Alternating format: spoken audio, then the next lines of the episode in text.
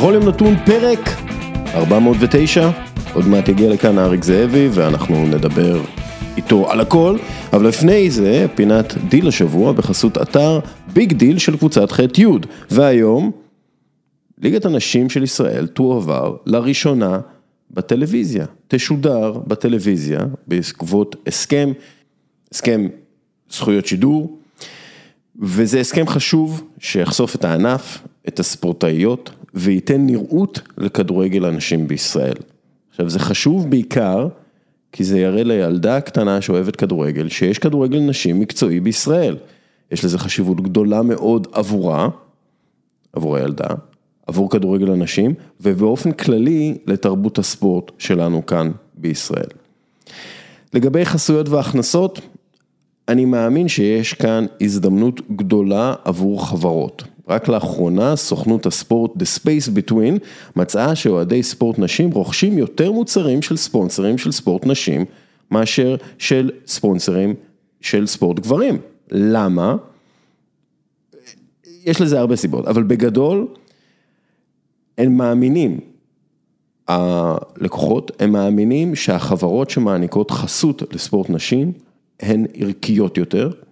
ומי שמעניק חסות לספורט נשים נתפס כערכי יותר ולכן גם נוטים להאמין בו יותר ולרכוש יותר מוצרים שלו. אז אנחנו מדברים על הבדל של 25 אחוז יותר רכישות של אה, ספונסרים, של מוצרי ספונסרים שמעניקים חסות לארגוני ספורט נשיים. וזה משמעותי מאוד, 25 אחוז.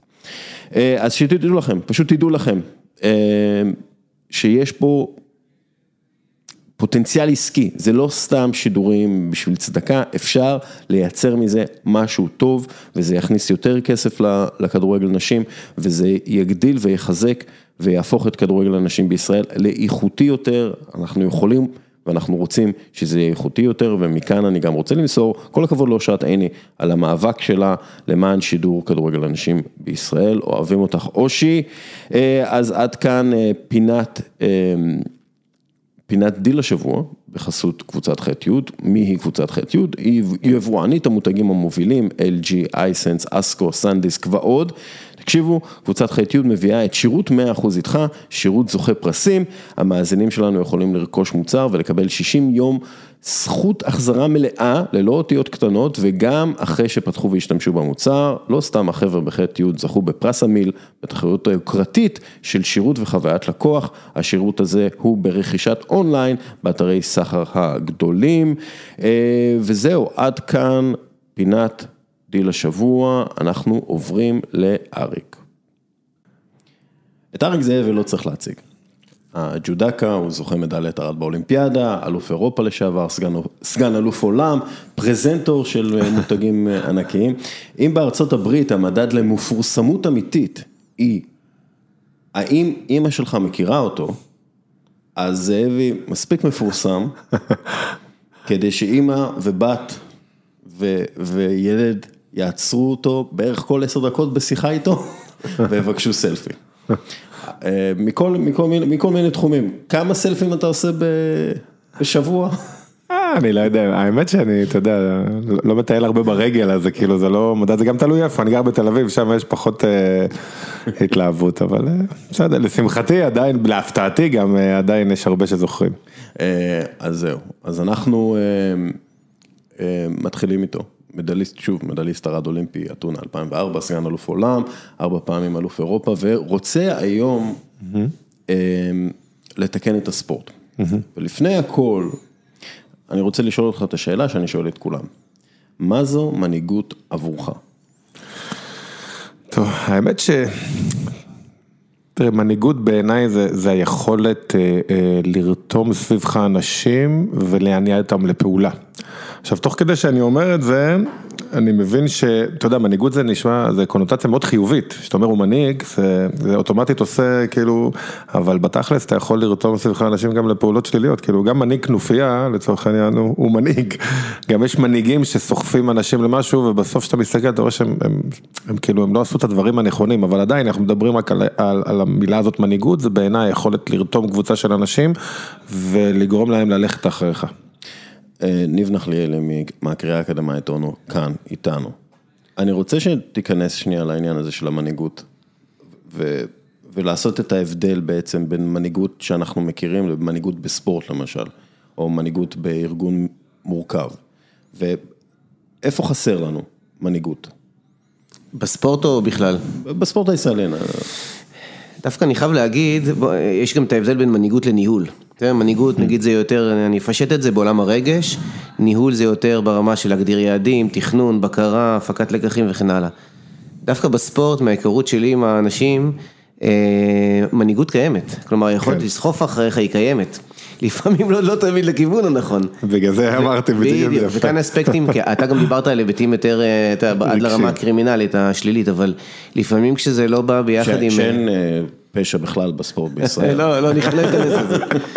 אבל אה, כן, כשזה לא בא, כאילו משולב עם, אה, עם ניהול, עם הגדרה, להגדיר את הכיוון הנכון, לוודא שאנחנו בדרך לשם, שם זאת בעיה, אבל אני חייב להגיד שאני בהתחלה כשנכנסתי לספורט, מאוד הופתעתי מהמנהיגות, אני חייב להגיד בהייטק, זה לפעמים לא לא ממש הפוך, אבל אה, אפשר ללמוד הרבה מהספורט, כאילו, על היכולת לסחוף. הדרך נכונה בהייטק, אבל המנהיגים לא סוחפים כאילו. כן. כן, אפילו יותר מזה, יש גם כאלה שהם אה, יותר מדי מסתמכים על יכולות המנהיגות שלהם. ואז כל ההיבטים של תכנון, ארגון וכן הלאה לא באים לידי ביטוי, ואז יש ברדק. השאלה אם כן. אה, יכולות המנהיגות היום בעולם המודרני מחייבות אותך להיות עם יכולות ארגון ויכולות ניהול אנשים. זה, זה כאילו נראה לי חלק... הולך שהוא, ביחד. הולך ביחד. אני אני אספר לך סיפור מדהים על זה. או, הנה, זה מה שרציתי לשאול. שהוא גם אגב בסדנאות שאני עושה, אני קצת נוגע בהקבלה בין מאמן למנהל, ואני נותן את הסיפור הבא. אה, אני התאמנתי אצל פונטי, אה, יושב ראש איגוד הג'ודו בנבחרת אה, ישראל, בתקופה שהוא אימן את סמאג'ה, ארבע שנים, פונטי היה כריזמטי עדיין, הוא טיפוס סוחף כזה, והלכנו אחריו, הוא גם היה צעיר ומגניב וקול, והיה מאמן אותנו כמו סיירת מובחרת, באמת אסון טבע ומדרגות, על ההיסטור, ואז אחרי אולימפיאדת אטלנטה החליפו את פונטי והביאו את אלכס אשכנזי לאמן את הנבחרת. אלכס היה עולה חדש כזה, כמה שנים בארץ, עברית כזה, לא משהו, לבוש, לא משהו, והתחיל לאמן אותנו אחרת לגמרי. הפסקנו לרוץ, אה, לעשות האסון טבע, הפסקנו לעשות אימוני מדרגות, אחרי איזה חודש, חודשיים, מעבר לזה שגם היינו מחוברים לפונטי, הרגשנו שאנחנו לא מתאמנים טוב. ואחרי איזה שלושה חודשים, אני ניגשתי ליושב ראש האיגוד דאז, אדיקו, אז אמרתי לו, אה, אנחנו חייבים שתחזיר את פונטי, אלכס לא טוב. הוא אומר לי, פונטי לא חוזר, אמרתי לו, אז תביא מאמן אחר, הוא אומר לי, לא, אלכס נשאר ארבע שנים, אמרתי, וואי וואי, טוב, אם אני לא מצליח להחליף אותו, בוא ננסה לשנות אותו. ואז באתי לאלכס, פעם ראשונה שאני מדבר איתו, ואני אומר לו, אלכס, תקשיב, למה אנחנו לא רצים את האסון טבע, למה אנחנו לא קופצים מאוד, כאילו. אז הוא מסתכל עליי, אומר לי, למה שנעשה את זה? אמרתי לו, מה זה למה? כי זה קשה, אתה יודע איזה קשה זה? הוא מסתכל עליי פתאום במבט מזלזל כזה, אומר לי, בוא'נה, אריק, אני מתפלא עליך, זה הטיעון שלך קשה? אתה יודע מה קשה? אמרתי לו, מה אומר, בוא, אני אעצום לך את העיניים, תנסה לקלוע על המטרה, זה קשה, חבל על הזמן. איך זה הופך אותך להיות הכי טוב בעולם בג'ודו? פתאום אני מסתכל עליו, פעם ראשונה שאני מדבר איתו בכלל, הוא אומר לי, אריק, אתם התרגלתם להתאמן כמו נבחרת יפן, כמו נבחרת צרפת, איך אתה יכול להתאמן כמו נבחרת יפן? יש לך אותם תקציבים, אותם יריבים, אם אתה תתאמן כמו יפני, בטוח תפסיד, אתה חייב להתאמן אחרת. תוך כדי פעם ראשונה מתחיל לדבר איתו, ואני מתחיל ככה לשאול אותו, מה, מה, ואני קולט שהוא מהנדס מכונות בהכשרתו, ומרוסיה יש לו מדליסט אולימפי, פתאום אני קולט שהוא מתחיל לספר לי מה האג'נדה שלו, אתה חייב למצוא מה היתרון, הוא גם התחיל לאמן אותנו פתאום אחרת, כל אחד עושה דברים אחרים, לא כולם עושים את אותו דבר. עכשיו, למה אני מספר את זה? כי בעצם בעיניי יש כמה מסקנות מהסיפור הזה. אחד, קודם כל יש פה לזכותו של אדי, אפרופו לתת גב למנהל, אנחנו רואים איך זה בכדורגל, כאילו שנייה לא הולך, בום, מפטרים את המאמן, כאילו. אז אם אדי היה מפטר את אלכס, היום היית שואל אותי על אלכס אשכנזי, היית אומר לך, אה, אלכס הוא מאמן, זה לא משהו. היום אני חושב שאלכס הוא המאמן הכי טוב שהיה פה אי פעם מבחינה טכנית בג'ודו, מסתכלים רק כרגע, אבל לא הייתה לו את היכולת לסחוף אותנו, כשאנחנו היינו עם פונטי היינו בטוחים שאנחנו מתאמנים הכי טוב בעולם, הגענו לתחרות, הרגשנו מוכנים, היום אני מסתכל על האימונים, אני אומר בואנה איזה שטויות עשינו. אני גם היום נזכר, היינו מגיעים לאימון בערב, גמורים מעייפות, מהאימוני כושר, לא היה לנו כוח לעשות ג'ודו, אבל מה, הלכנו אחריו והאמנו בו, וזה בעצם הוביל אותי למסקנה, ואני מניח שזה גם קשור קצת לעולם ההייטק, שבסוף, עוד לפני שמשנה אם עשית את הדבר הנכון או לא נכון, אתה צריך לוודא שכולם אחריך. כי אם אתה עושה את הדבר הנכון והעובדים לא אחריך, אז, אז מה, אתה בא, לה, כשאלכס אמר לנו לעשות משהו, הרגשתי שזה לא נכון לעשות את זה, אז לא נתתי את הכל, לא השקעתי, הגעתי לתחרות, הרגשתי לא מוכן, זאת אומרת, בכלל לא משנה אם האימון שלו טכנית היה נכון, רק אחרי שהבנתי שיש לו אג'נדה והוא יודע מה הוא עושה ולאן אנחנו הולכים, פתאום הכל השתנה והתחלתי ללכת אחריו ובעצם גם להביא את התוצאות. זאת אומרת, אפרופו, יש פה בדיוק את המילה הזאת, מנהיגות, פונטי הוא מנהיג חבל על הזמן, ואגב, בעיניי הוא גם המציא את הג'ודו הישראלי, כי לא היה אז כלום, אבל היום מבחינה טכנית, אני מבין שאלכס עשה דברים הרבה יותר נכונים, אבל אלכס לא הצליח בהתחלה לתרגם לנו אותו, אם הוא היה עושה לנו שיחה ראשונה באימון הראשון, אני אלכס, הבאתי מדליה בזה, היה מציג לנו את הרזומה שלו, קודם כל היינו אומרים, טוב, יש פה משהו, אם היה מציג את האג'נדה שלו, הכל היה שונה לגמרי. למרות שיכול להיות שאם הוא מציג בהתחלה את האג'נדה, זה היה עובר מעל הראש שלכם. כן. וזה היה בטיימינג כזה, שאומנם זה הגיע ממך, אבל התשובה שלו היא גם כן אקט מנהיגותי. מנהיגות זה גם לא רק הבן אדם שנמצא למעלה וקדימה אחריי הסתער, זה של פעם. כן. היום יש עוד קווים למנהיגות. אז זה אקט מנהיגותי דווקא מה שהוא עשה, אבל אה, ממקום אבל שמגיב. במקרה, אבל אני יזמת, לך. בדיוק, נכון, כן, זה סתם סיפור מעניין. זה, זה זה מזכיר גם לי, אה, מנהיגות שלך ב- בסיפור. זה, זה מזכיר לי ש, שהמאמן של נבחרת הולנד, האוסטרי, ארנסט האפל, הגיע לאימון של נבחרת הולנד, והם היו רגילים, אתה יודע, החבר'ה הכי טובים בעולם באותו זמן, שנות ה-70, הם אמרו, מה פתאום מביאים לנו את האוסטרי הזקן הזה, מה הוא יודע? ואז הוא הראה להם, תקשיבו, תראו את ה, מה אני עושה עכשיו. הוא לקח שלושה כדורים ובעט מהחצי לתוך המשקוף. זה הסיפור, זה האגדה. ואז הם הקשיבו לו. אני, אני, חושב, אני חושב שכשברגע שאתה אה, ספורטאי ומישהו מגיע אליך, או שהוא מראה לך מה הוא יודע לעשות, או שאתה יודע מה הוא יודע לעשות, עיין ערך זינדין זידן, אתה, הוא, הספורטאי נותן לך, נותן לך את הכבוד באופן כמעט אוטומטי. אבל פה הטעות האוטומטית אגב, כי אני זוכר שבאתי לאמן את נבחרת הנוער, אז כאילו בדיוק פרשתי וכל הספורטאים הסתכלו עליי עכשיו, זה שהייתי ג'ודאי טוב לא אומר שאני מאמן טוב, כן. לא אומר שיש לי מושג, אבל אתה אוטומטית מקבל, זאת אומרת לצורך העניין יש לי תחושה שמסי לא יהיה מאמן טוב. לא יודע, לא נראה לי שהוא יצליח, אבל- אם מסי יבוא לקבוצה, בתחילת הדרך כולם ילכו אחריו בעיניים עצומות, כי מסי, הוא אמר, אבל אבל זה אפרופו ה... כאילו, דיברנו על זה שמנהיג זה היכולת לרתום אנשים, אז יש פעמים שאתה מקבל את המנהיגות הזאת, כי, כי, כי יש לך איזה טייטל כזה מפוצץ, אם עכשיו יגידו לך, תשמע, אנחנו מביאים לך את מנכ"ל מייקרוסופט לחברה, אתה אוטומטית תגיד, בואנה, מנכ"ל מייקרוסופט, אני חייב להקשיב לו, יכולים לעבוד עליו, טוב, במקרה אנחנו יודעים מי זה מנכ"ל מייקרוסופט, אבל יש כאילו את, ה, את ה, הפוזה הזאת, במרכאות, שהיא היא, היא עושה אפקט בהתחלה, כמובן שאחרי זה אתה צריך גם להראות תוצאות, וצריך, אבל, אבל בסוף יש לזה אפקט מאוד חזק, אתה צודק. אגב, בגלל זה אולי בצבא החליטו שיהיה מפקד, יהיה קצין ויהיה אה, סמך, מישהו שכאילו יהיה המנהיג, אתה יודע, ירים לו. כן, ירים לו ויהיה כאילו מי שעושה כאילו את הפעולות, לא המנהיגותיות, אלא מה שהמנהיג כאילו אומר, "אה, אני יודע. כן, ההיררכיה הזאת בצבא זה הגיוני. תגיד, שאריק דיבר על יפן ואנחנו צריכים להתנהג אחרת. נכון אתה חשבת על מאניבול? כן. על הסצנה הזאת במאניבול? אה, מכיר. בדיוק, דיברנו על זה גם, דיברנו על זה. רק עכשיו ראיתי את הסרט הזה לפני חודש, הייתי בא- באולימפיאדת טוקיו, היה לי משעמם, ראיתי את שהוא זה. יושב, שברד פיט יושב בהנהלה ומחפשים את החובט הבא, נכון. חובט זה היה?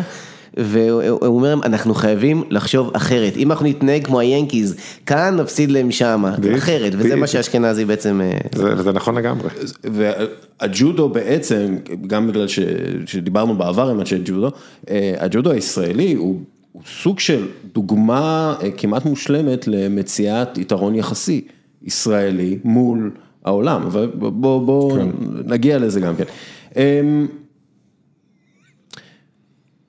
בגיל שבע אתה מתחיל להתאמן במועדון בבני ברק, כן. שכונת אה, פרדס כץ, אה, הדרכה של, של ילד בעצם, נכון? כן. ו, וגדלת בשכונה כמעט ללא מתקנים שם, מתקנים ספורטיביים, יש איזה מגרש אה, ספורט, אגב, זה די נשאר אותו דבר. זה נהיה גרוע יותר, כן. המגרש כדורגל במתנ"ס, שמו עליו קרוונים לתלמידי ישיבות כזה, לכ- אין זה- כלום. עברתי שם, יש שם, כן, זה, זה עדיין נשאר אותו דבר, אפילו יותר גרוע. כן. אה, קודם כל, בוא נחפש את היתרון בזה. היה, היה לזה יתרון כלשהו, כי הגעת לאן שהגעת, גם בגלל הרקע הזה. תראה, קודם כל כ- כשכונה היינו שכונה ספורטיבית, זה לא היה לנו מתקנים, אבל אין ילד אצלנו שלא משחק כדורגל, כדורסל, היינו קמים בשש בבוקר לשחק טניס, לתפוס את המגרש, כי אחרת אתה לא, לא יהיה לך מקום לשחק, היינו מאוד ספורטיביים כולם, אני, אני עד היום בתור ילד, ואני אני הייתי טוב גם בכדורסל, כדורגל, הייתי ספורטאי טוב. מאיפה זה הגיע, הלהט הזה לספורט? לא יודע, קודם כל אני חושב שזו תקופה שלנו, כל מי שבאזור גיל 40 הוא היה ברחוב, כאילו זה, זה, זה נראה לי משהו שככה גדלנו ברחוב, לא היה מה לעשות בבית, כאילו לא היה משחקי לא, מחשב, זה, לא זה, זה נכון, הייתי, כן, היינו ברחוב. היינו ברחוב, ו- ו- ו- והיה ספורט, ואני ממש זוכר חבר'ה מוכשרים, אני זוכר, זוכר אחד אפילו, אבי קורא- היה שם גדר כזה, נגיד לפעמים הכדור עובר את הגדר, הוא היה רץ, הוא קופץ את הגדר ככה, אני הייתי מסתכל, אני לא מטפס אותה.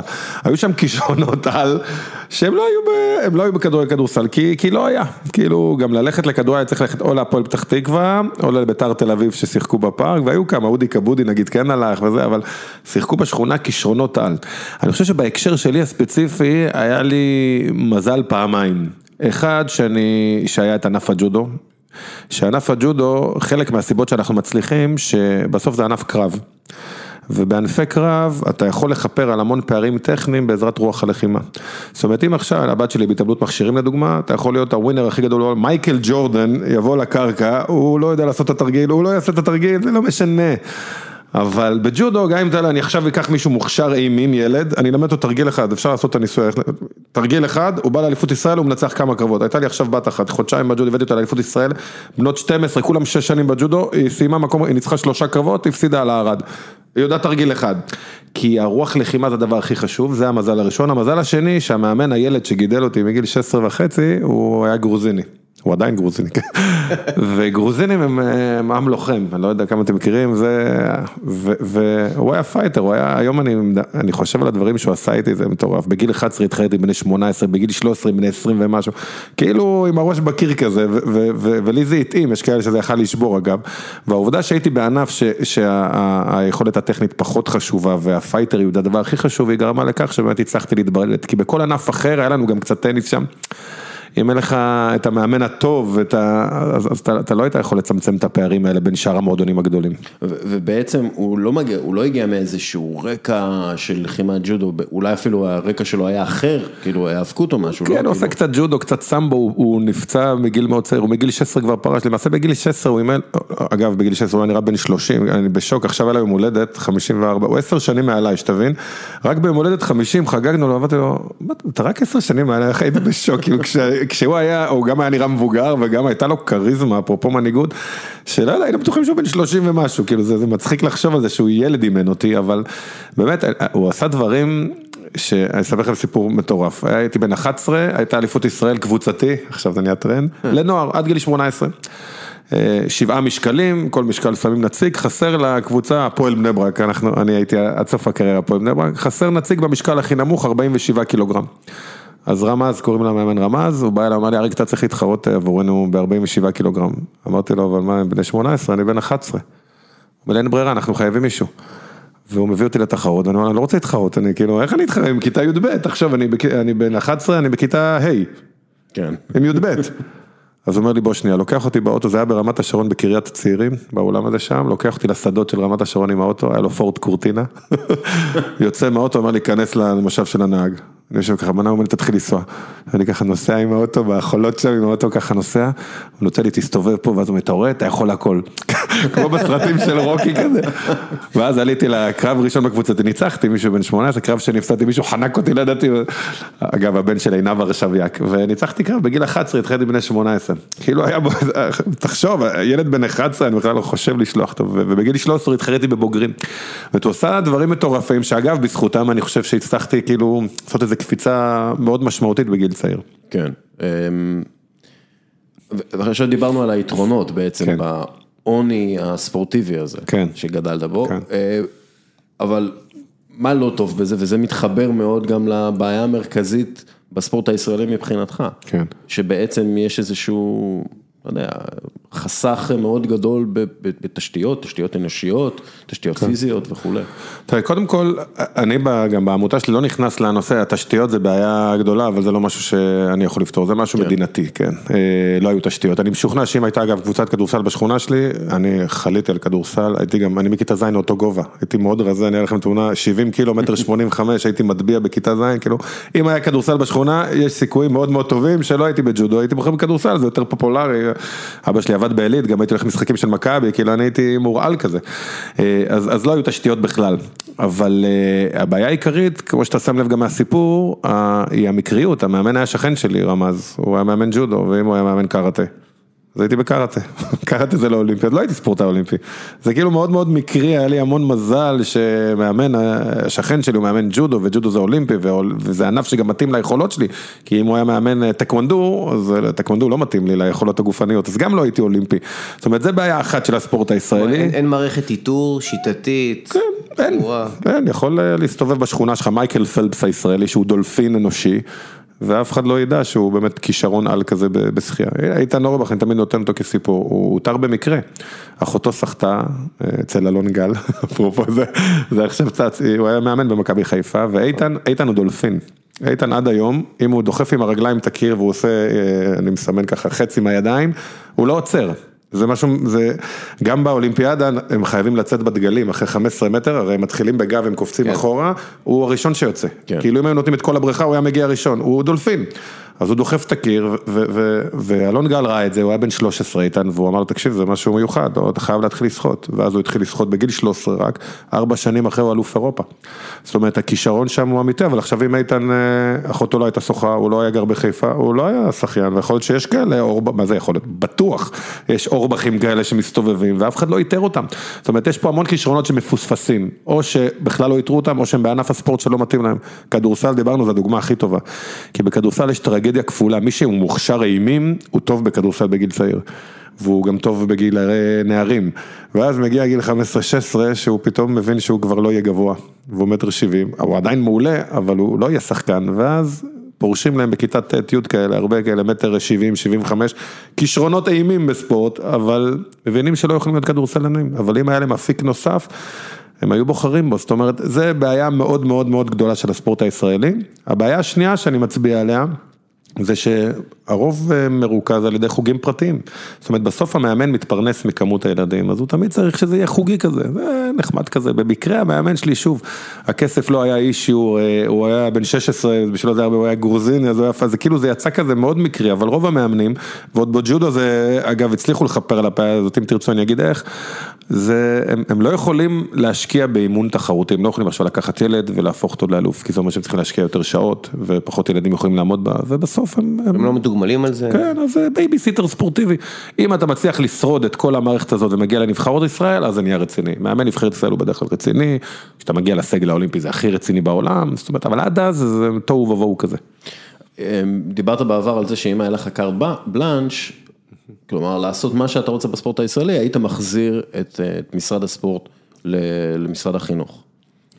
כן, אמרתי את זה? וואלה, כן. לא זוכר. אולי בהיבט... אני רושם הכל מה שאמרת. אני לא יודע אם, אתה יודע, אני לא כל כך מבין בהיררכיה, אני לא יודע אם זה משנה איך הוא, יכול להיות שבגלל התקציבית אמרתי את זה?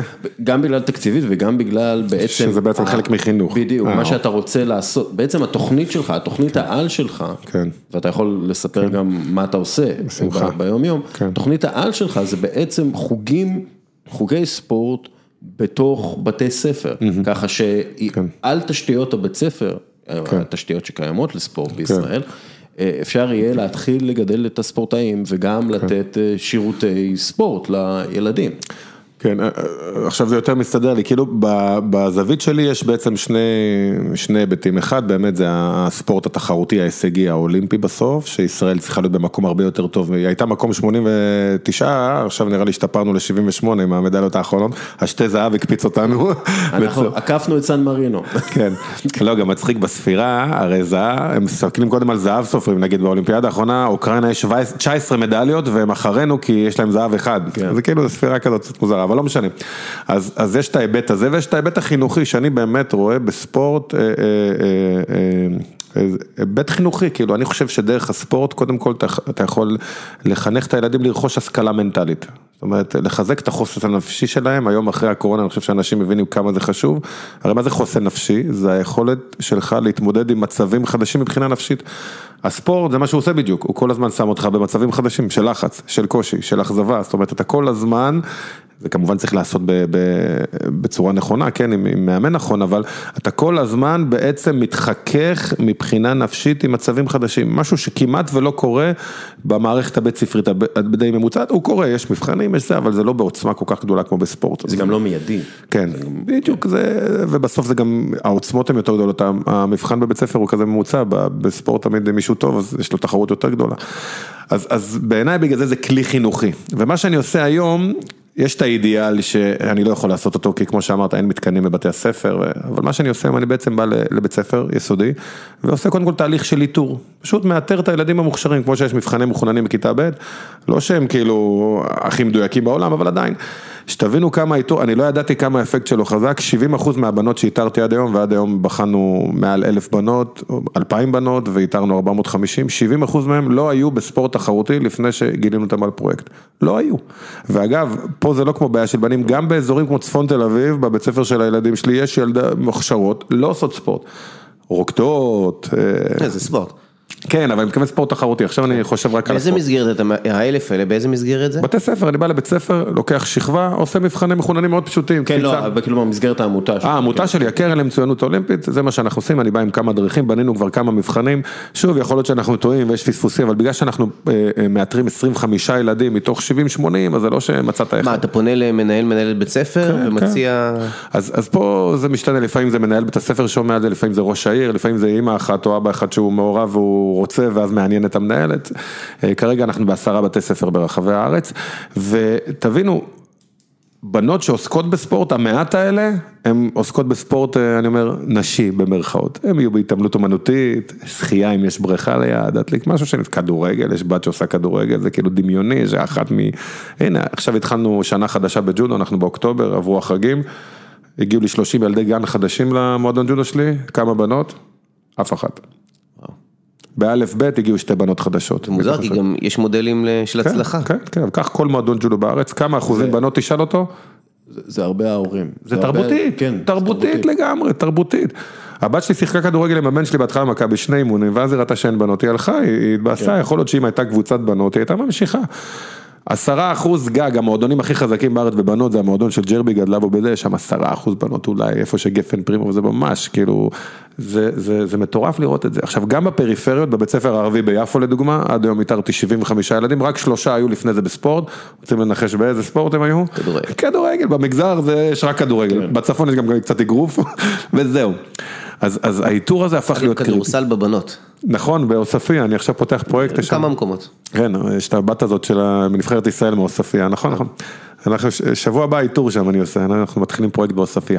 אז האיתור זה שלב אחד. שלב שני, אני נותן להם להתנסות אותם ילדים שנבחרו, הם עושים שש שעות ספורט בבית הספר, שעתיים בכל ענף. אתלטיקה, אני תמיד בוחר, ומאמנים אצלי, המאמנים לפחות בין הטובים שיש, מאנטולי ממנקו, דרך רומן קוגן, ניקי פאלי יאמן בעוספיא, דניאל פרנקל בחיפה. אה, סליחה, לא דניאל פרנקל, תמיד דניאל פרנקל ותמיד אני מעיין שחף. תמיד אני מתחרות, קופצת לגובה. משתדל למצוא את המאמנים הכי טובים שיש, אה, שעתיים אני בוחר ענף כדור מסוים, ברוב המקרים אני מעדיף לבחור כדורף חופים. תרצו אני אסביר למה, יש פעמים שנגיד בחריזי בתל אביב זה כדורסל כי מכבי תל אביב נמצאת שם וזה כבר אותו מאמן אז אני לא רוצה להכניס ענף נוסף, גם בעוספיא זה כדורסל בגלל שיש את המאמן הזה שהבת שלו היא בנבחרת ישראל, יש שם איזה מסורת אז אני לא רוצה לפגוע בזה. ואני בוחר ענף שלישי, ענף אולימפי נוסף, שפה אני בוחר אותו בהתאם לאוכלוסייה או למאמן שקיים, נגיד אנחנו עכשיו מתחילים בבת ים, אתמול הייתה לי מפגש עם הורים, אנחנו עושים טקוונדו עם יחיאם שראבי עם המועדון שלו, אה, אצלנו בתל אביב זה, זה ג'ודו בגלל שאני נמצא שם במרכז. ברמלה אנחנו גם פותחים טקוונדו, בכפר סבא זה סייף, הכל, אני בוחר ענף אולימפי ש, שאם באמת נמצא כישרון מסוים, תהיה לו המשכיות. זה, הכסף, יש לזה עלויות ושעות, מאיפה כן. זה מגיע כל הדברים האלה? אז זהו, אז פה... אני קודם כל בניתי מודל שהעלות היא מאוד מאוד מאוד נמוכה, יוצא בסוף שאם הורה צריך לשלם הכל, אין מימון, הוא משלם 270 שקלים לחודש, הוא מקבל 6 שעות ספורט בשלושה ענפי ספורט, זה פחות מכל חוג שהוא, למה? כי א', המתקנים הם של בית הספר, אז אין עלות, אה, ב', אף אחד לא גוזר קופון, אין פה איזה רווח, יש, בעצם התשלום היחיד הוא למאמן על שעות העבודה שלו, והוא מרוויח הרבה אצלי, מאמן, 200 שקל לשעה, שהוא לא מקבל את זה בשום מקום, זאת אומרת 400 שקל לשעה בשבוע. זה אחרי שעות בית ספר? זהו, פה זה תלוי במנהל. האידיאל הוא שזה יהיה בתוך שעות בית ספר, אז חלק אנחנו מכניסים את זה בתוך שעות תל"ן, במקום התל"ן, אה, שזה תוכנית לימודים נוספת, מכניסים את הספורט, חלק בשעות קצה, חלק במקום שיעור שהמאמן, אה, שהמורה אחרי זה ישלים להם. פה זה כבר אה, מאבק בין בתי הספר, אני, גם שעות קצה גיליתי שזה לא רע בכלל. במקום צהרון או באחת בצהריים עד שלוש ארבע, גם ככה כל המתקנים ריקים, החוגים מתחילים רק בארבע אחר הצהריים. הבעיה העיקרית של שעות קצה, שהפרויקט הזה הוא ג' ד' ה' ו', בסוף בכיתה ה' יש לך מלא כיתות ואין לך כבר מתקנים בבית הספר. האולם מלא, המגרש מלא, אז אנחנו משתדלים לפזר את השעות. אני שואל כי יש גם את המועדון הבית ספרי. נכון. ועד כמה מה שאתה עושה קשור גם עם התאחדות הספורט לבתי ספר, יש, יש קשר כן. כלשהו. אז זהו, אז, אז תוך כדי תנועה שהתחלתי עם הפרויקט גיליתי שיש כל מיני פרויקטים בספורט שהם כאילו יש פתאום זוזו ותנועה והבית ספרי ודברים שלא ידעתי שנתקלתי בהם, אז, אז יש בתי ספר שאין את זה. אז, אז אין בעיה להיכנס, אלה שיש את זה אנחנו משתדלים לשתף פעולה איתם, זאת אומרת שאם במועדון הבית ספרי יש קבוצת כדורסל שרצה, אז אנחנו נבחר כדורסל ואת אותו מאמן גם, שיהיה תיאום, שאותו מאמן יאמן את המצוינים וגם, אה, חייב להגיד שתוך כדי תנועה אני נתקל בהמון בעיות ולכל בית ספר ומקום מצאנו את הייחודיות שלו. זה קצת מרגיש טלאי על טלאי, כלומר זה חלק מהבעיה בעצם של הספורט בישראל, כן. זה זה. כי כן. זה הכל הרבה מאוד יוזמות פרטיות, אין איזה משהו נכון. לאומי, אין איזה משהו רחב. מסכים איתך, אני מסכים איתך. לא, רגע, שנייה, התאחדות הספורט לבתי ספר זה, זה משהו לאומי. זה, זה, זה קיים? אני... בוודאי. כן, כן. זה, זה עובד? בטח, מועדונים בית ספריים. זה מצוין, כאילו, אנחנו רואים הרבה בתי ספר. בחטיבות יותר רלוונטיות. נכון, נפח פעילות אה, משמעותי. עכשיו בחטיבה שהקמתי את השלב ב' של הפרויקט שלי אגב, הרי אני אגיד עוד מילה אחת, יש רשויות אגב שמממנות חיפה עכשיו עושה בשני בתי ספר, מממנת לגמרי את הפרויקט. נתניה מממנת שליש מהפרויקט, תל אביב בבית ספר הערבי ביפו מממנת את כל הפרויקט. אז יש רשויות שממש מבינות שמעדיפות להשקיע את הכסף פה בגיל הזה, מאשר להשקיע אחרי זה בבעיות אחרות. השלב ב' של הפרויקט בכיתה ז', ופה אנחנו משתפים פעולה לגמרי עם התאחדות בתי הספר, כי בסוף אני רוצה שהם יתחרו, זה כיתה אולימפית שנבנתה בבית ספר שמיר, אני עכשיו מנסה לבנות את זה גם בנתניה, כי כבר הגענו בחלק מבתי הספר היסודיים לכיתה ו', אז כאילו צריך לחשוב על השלב הבא, ושם כבר הילד מתמחה בענף ספורט ספציפי, זאת אומרת הוא החליט שהוא בחר בג'ודו, אתלטיקה וכן הלאה. אה, ואז הוא מתאמן רק בענף הזה. אני בונה את זה עם אותה אגודה של המועדון, נגיד בשמיר, סתם אני אספר לכם איך זה קורה, עכשיו באתי בעצם מהאימון, פעמיים בשבוע, שני וחמישי, הם מתחילים מהדר יוסף, הם מגיעים אוטומטית להדר יוסף, וכל אחד מתאמן בענף שלו, הג'ודאים איתי, המתעמלים עם ההתעמלות, האתלטיקה עם רומן קוגן, והאופניים בוולודרום, בחרנו בכוונה לנצל את הוולודרום עם קבוצת, אה, אה, ברח לי השם שלהם, תכף אני זוכר, שהקבוצה הכי טובה בארץ של רכיבת אופניים, והם מאמנים אותם, בענף שלהם, כשהם מסיימים את האימון. אה, Cycling Academy? כן, לא Cycling Academy, יש קבוצה שהיא מעולה, אה, משהו GP, תכף אני אזכר. הם מאמנים, הם מתמחים בוולודרום כאילו וברכיבת אה, אוקיי. שטח. וכשהם מסיימים את האימון ב-9.40, מתלבשים, זה, האוטובוס מחכה להם, לוקח אותם לבית הספר, הם מתחילים ללמוד בשני וחמישי בעשר ורבע, זה כל המניפולציה שבית הספר עושה. הוועד האולימפי מאמץ את הכיתה הזאת, זה כבר שתי כיתות, זה ז' וח', ובעצם נותנת להם גם מעטפת פיזיולוגית רפואית, גם קצת אה, עוד חומר עיוני כזה ש... אבל בגדול מה שעשינו, הדבר היחיד שעשינו זה שאפשרנו א' לספורטאי אינדיבידואל להיות בכיתה של חבר'ה שכמותו, שבגילאים יותר מאוחרים זה מאוד חשוב, כי אני רואה על הבת שלי שהיא מאוד רצינית, שאחר הצהריים כל החברים נפגשים והיא הולכת לאימון, היא מתבאסת פה, כולם הולכים לאימון, היא כבר מרגישה יותר טוב, יש בזה אפקט, אין מה לעשות, פסיכולוגית, שאתה יודע שכולם מתאמנים, יש בזה גם, יש הכלה, בית הספר יודע שעוד מעט הם יטוסו לחו"ל, הם יהיו במחנה אימונים, הוא מסדר להם להשלים את החומר, והתחשבות בשעות האימונים, ברגע שאתה עושה שתי יחידות אימון בבוקר, תחשוב מה זה מפנה לך אחר הצהריים. אני אומר כבר לחבר'ה שלי, חבר'ה, אתם לא צריכים כבר להתאמן כל יום בערב, נעשה שלוש, גג, ארבע פעמים בשבוע. יש לכם יומיים חופשיים, תעשו מה שאתם רוצים. זה... תגיד, יש מישהו שהוא כזה ברמה האולימפית, שהוא לא גר באזור של שמיר, והוא מגיע ממקום אחר כדי ללמוד בשמיר ולהיות בכיתה האולימפית? אז יש כמה, קודם כל הבן של מנכ"לית הטוטו, גר בפתח תקווה, הוא באופניים, הוא בא מפתח תקווה עם האופניים, להתאמן שם, יש אחד שמגיע מהרצליה, גם לאופניים אגב, אה, גבעתיים, יש לי כמה שמגיעים לג'ודו. יש בפרויקט עדיפות לתושבי תל אביב, אבל אם יש מישהו שהוא עילוי, אז אנחנו מקבלים אותו גם מחוץ, יש אחד שמגיע מאזור, אה, איך קוראים לה? אחרי פתח תקווה, ראש, אזור ראש העין שם מגיע לאופניים גם. כן. ועדיין זה מרגיש... אלפי מנשה. אוקיי, זה ראש העין. שנה הבאה יש שני ג'ודאים שלי מצטיינים, אחת תגיע מצור יצחק ואחד מראשון. ללמוד בתל אביב בשביל זה. ועדיין זה מרגיש כאילו שאם אנחנו רוצים באמת משהו אה, בריא, ואנחנו רוצים, אני אגיד, עושר ספורטיבי ועושר תרבותי בספורט, כן. אז זה צריך להתחיל הרבה יותר מוקדם וזה צריך להתחיל בקהילות המקומיות, נכון? כלומר זה, זה משהו שגם אתה יודע על הבסיס שלך, כאילו. תראה, האמת שעכשיו התחלתי, ממש יום שישי יש את המועד ב' נקרא לזה, שהוא מתחיל יותר מוקדם בהתעמלות מכשירים, הרי זה קרוב לליבי גם כי זה ענף מוביל גם כי הבת שלי שם, ואף פעם לא הכנסתי לפרויקטים שלי לא התעמלות אמנותית ולא מכשירים, כי ג' זה מאוחר מדי. וגם לעשות רק שעה וחצי בג' ואז אמרתי איך אני עושה את זה, אז עכשיו עשינו באלחריזי פיילוט. קדם פרויקט, קראנו א' ב', באים למיונים, זה כל פעם יתחיל מכיתה א', עשרה ילדים, עשר בנ- עשרה בנים ועשר בנות שייבחרו, יבואו לעשות אה, התעמלות אמנותית פעמיים בשבוע בהדר יוסף, האוטובוס ייקח אותם להדר יוסף למתקן האולימפי, יאמנו אותם, הבנים יתאמנו עם מכבי תל אביב, כי שם זה מחולק, אה, מכבי תל אביב, הבנות עם הפועל תל אביב, אביב. והם יתאמנו. במקרה הגרוע, החבר'ה אולי היו כיתה א', ב', פרויקט התעמלות מכשירים, עשו התעמלות מכשירים, יש להם בסיס לכל ענף ספורט שהם יבחרו, בגיל הזה, סלטות, זה, זה מעולה. במקרה הטוב, ואני מאמין שכל שנה יהיה איזה אחד, שניים מוכשרים, הם יגלו שהם מוכשרים, ואז הם ימשיכו אחר הצהריים, והם יהיו בקבוצת ההתעמלות, כי בעצם הקבוצות האלה שהן מאוד רציניות, אין להם תהליך של איתור, רק מי שבא אליהם מיוזמתו, אז הם מקבלים אותו, הם לא הלכו ובדקו, פה אני מביא להם את בית הספר, אם זה יעבוד, אנחנו נעשה את זה עם עוד בתי ספר, פשוט נביא אותם מכיתה א', ב', מי שרוצה כמובן, מי שימצא מתאים, יתחיל לעשות, יגלה שהוא אוהב את זה, ימשיך הלאה.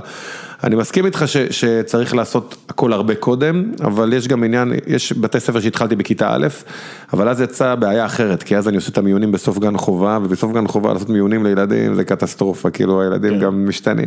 זאת אומרת, תגיד, יש לי שאלה. אתה פעם שמעתי אותך מתבטא בנושא, כן. אה, שאתה דווקא אומר שהספורטאי הישג, אה, אה, יכול, אה, אתה רואה כאילו עובדתית, שמגיעים ממשפחות מבוססות. כי תמיד היה את הגישה כן. הזאת, את הטענה שתמיד הם דווקא נכון. מהשכבות הסוציו-אקונומיות הנמוכות, ואז זה סוג של אפשרות שלהם לעשות את הקפיצת מדרגה דרך הספורט. כן. אתה אומר אחרת. אני, אני, אני אתן לך דוגמא, אתמול עשיתי שיחת זום, תמיד לפני שאני פותח פרויקט יש שיחת זום לכל ההורים, ואז אני מסביר להם כאילו מה הפרויקט, ואז הם צריכים לרשום אותם למיונים. אתמול עשיתי בעיר נחשבת לא טובה, אני לא רוצה... בוא נתחיל הפוך, כשעשיתי בבית ספר של הילדים שלי בצפון תל אביב שיחת זום לכל ההורים, יש איזה 80 הורים בשכבה, עלו 70 לזום, יש במקומות שני ההורים. אתמול עשיתי בעיר הלא טובה, כמה הורים עלו? ארבעה. כן. אז נתחיל מזה. כאילו מה, אתה- בא אריק זאבי, רוצה פרויקט, העירייה מממנת להם את הפרויקט, לא צריכים לשלם, לא תשמעו, לא אמרתי תירשמו, לשמוע. עכשיו, שוב, אני אומר את זה בהכללה, גם באזורים פחות טובים יש הורים, זה בסוף, יכול להיות שמי שעסוק בהישרדות או בזה, הוא אומר יאללה, כאילו מה עכשיו אני...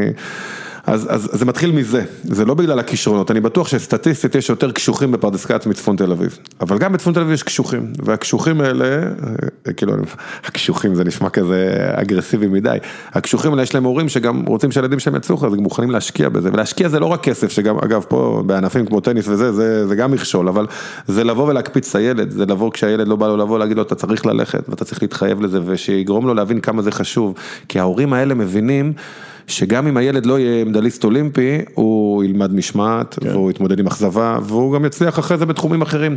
אני זוכר בתור ילד בפרדס כץ, כל הזמן אומרים לי, מה עם הג'ודו הזה, מה יצא לך מהג'ודו הזה, עזוב אותך, כאילו, בעוד כדורגל, אגב זה יותר בולט שמצליחים, כי בכדורגל תמיד יש את החלום הזה שאתה תעשה מיליונים. הכסף. כן. כן, יש, אז, אז שמה בגלל זה, וגם אם מוצאים מישהו כישרון, נגיד כמו מסי, מושכים אותו לברצלונה, כדי גם מרדונה שהוא גדל בשכונה, אני בטוח שאחרי זה מישהו דאג לו וטיפח.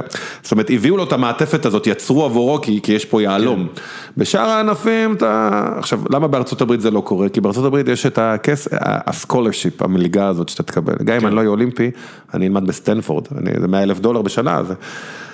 זה, זה גם אחת מהבעיות, רואים את זה דרך אגב, המדינות הכי מוצלחות, המדינות האולימפיות הכי מוצלחות זה המדינות הכי עשירות, או מדינות קומוניסטיות לשעבר, או מדינות שהן מאוד מאוד ספציפיות בכל מה שקשור לאיזשהו אה, ענף כלשהו. נכון, נכון. כן, נגיד הג'מייקנים. זה אתה יודע, הרוח, ה- הרוח שם זה, אתה חייב לרוץ מהר ומטפחים את זה ו- ומכוונים אותך ומסלימים אותך לזה. ו- וקניה, דרך אגב, הם גם חיים טוב, אבל הרצ- הרצים הטובים כן, הם... אה, כן. כן, כן, כי זה כלכלי מבחינתם, כן.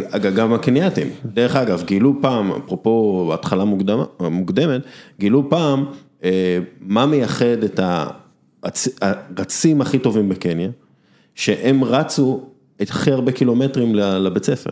לא איזה משהו גנטי, לא איזה משפחה, הם גרו הכי רחוק מבית ספר ובגלל זה הם התאמנו בריצה כל יום אה, והגיעו לבית ספר. יש, יש מחקר ידוע של רסמוס אנקרסן שהוא מדבר על זה, הוא הלך כן. ל, לרוסיה לראות את הטניסאיות, אה, בדרום קוריאה בגולף, אם אני זוכר נכון, כן. אה, ג'מייקה אמרת, ברזיל כדורגל וכן הלאה, והוא בדק מה...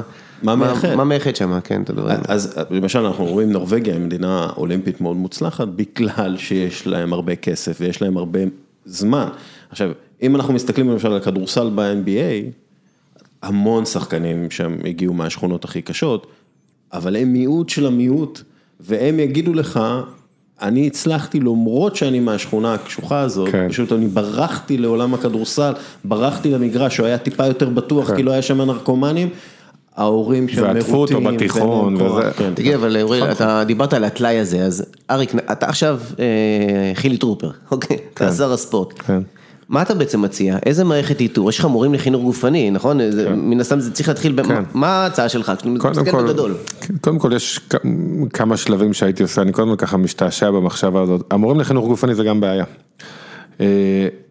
אה, אני חושב שגם בהוראת חינוך גופני צריך לעשות אה, סוג של אה, הסללה נקרא לזה, כי היום נגיד אתה עכשיו אתלט מוכשר ואמרת אני רוצה ללמד חינוך גופני, עזוב יש לנו דוגמה אלכס מרמן, אחד המאמנים הטובים בקפיצה, אימן את רוגל נחום, את מטוסביץ', את חנה, הוא מורה לחינוך גופני בהרצוג כפר סבא, אז אלכס מרמן בגלל התוכנית המקצועית הוא בא לילדים והוא מלמד אותם כדוריד.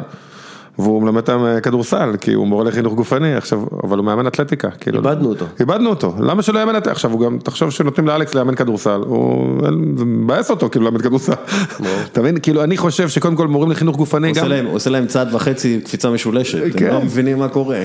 אני חושב שצריך לחלק את המורים לחינוך גופני כמו שיש מורה לספרות תנ"ך, גם שם מורה אתלט, מאמני אתלטיקה, אה, משחקי כדור, אה, סיבולת אולי אופניים, אם יש שחייה זה דמיוני, כן, אני בכלל לא יכול לדמיין שתהיה בריכת שחייה, אבל קודם כל שיהיה מורה לחינוך גופני שיעמד את מה שהוא טוב בו, שהוא גדל ממנו, גם א' המוטיבציה שלו תגדל, כי, כן. ואז אתה תוקן, אתה תאתר מישהו, אתה תגיד רגע אני אפנה אותך להוא, יהיה לך פתאום אני איתרתי את הילד הזה נגיד, אז זה שלב ראשון, לא מורה לחינוך גופני כללי, גם בינינו, מה, הוא שלושה חודשים בווינגייט למד להקפיץ, הוא מאמן כדורסל, זה כאילו זה בדיחה. דבר שני, צריך להחליט מה עושים בגילאים הצעירים.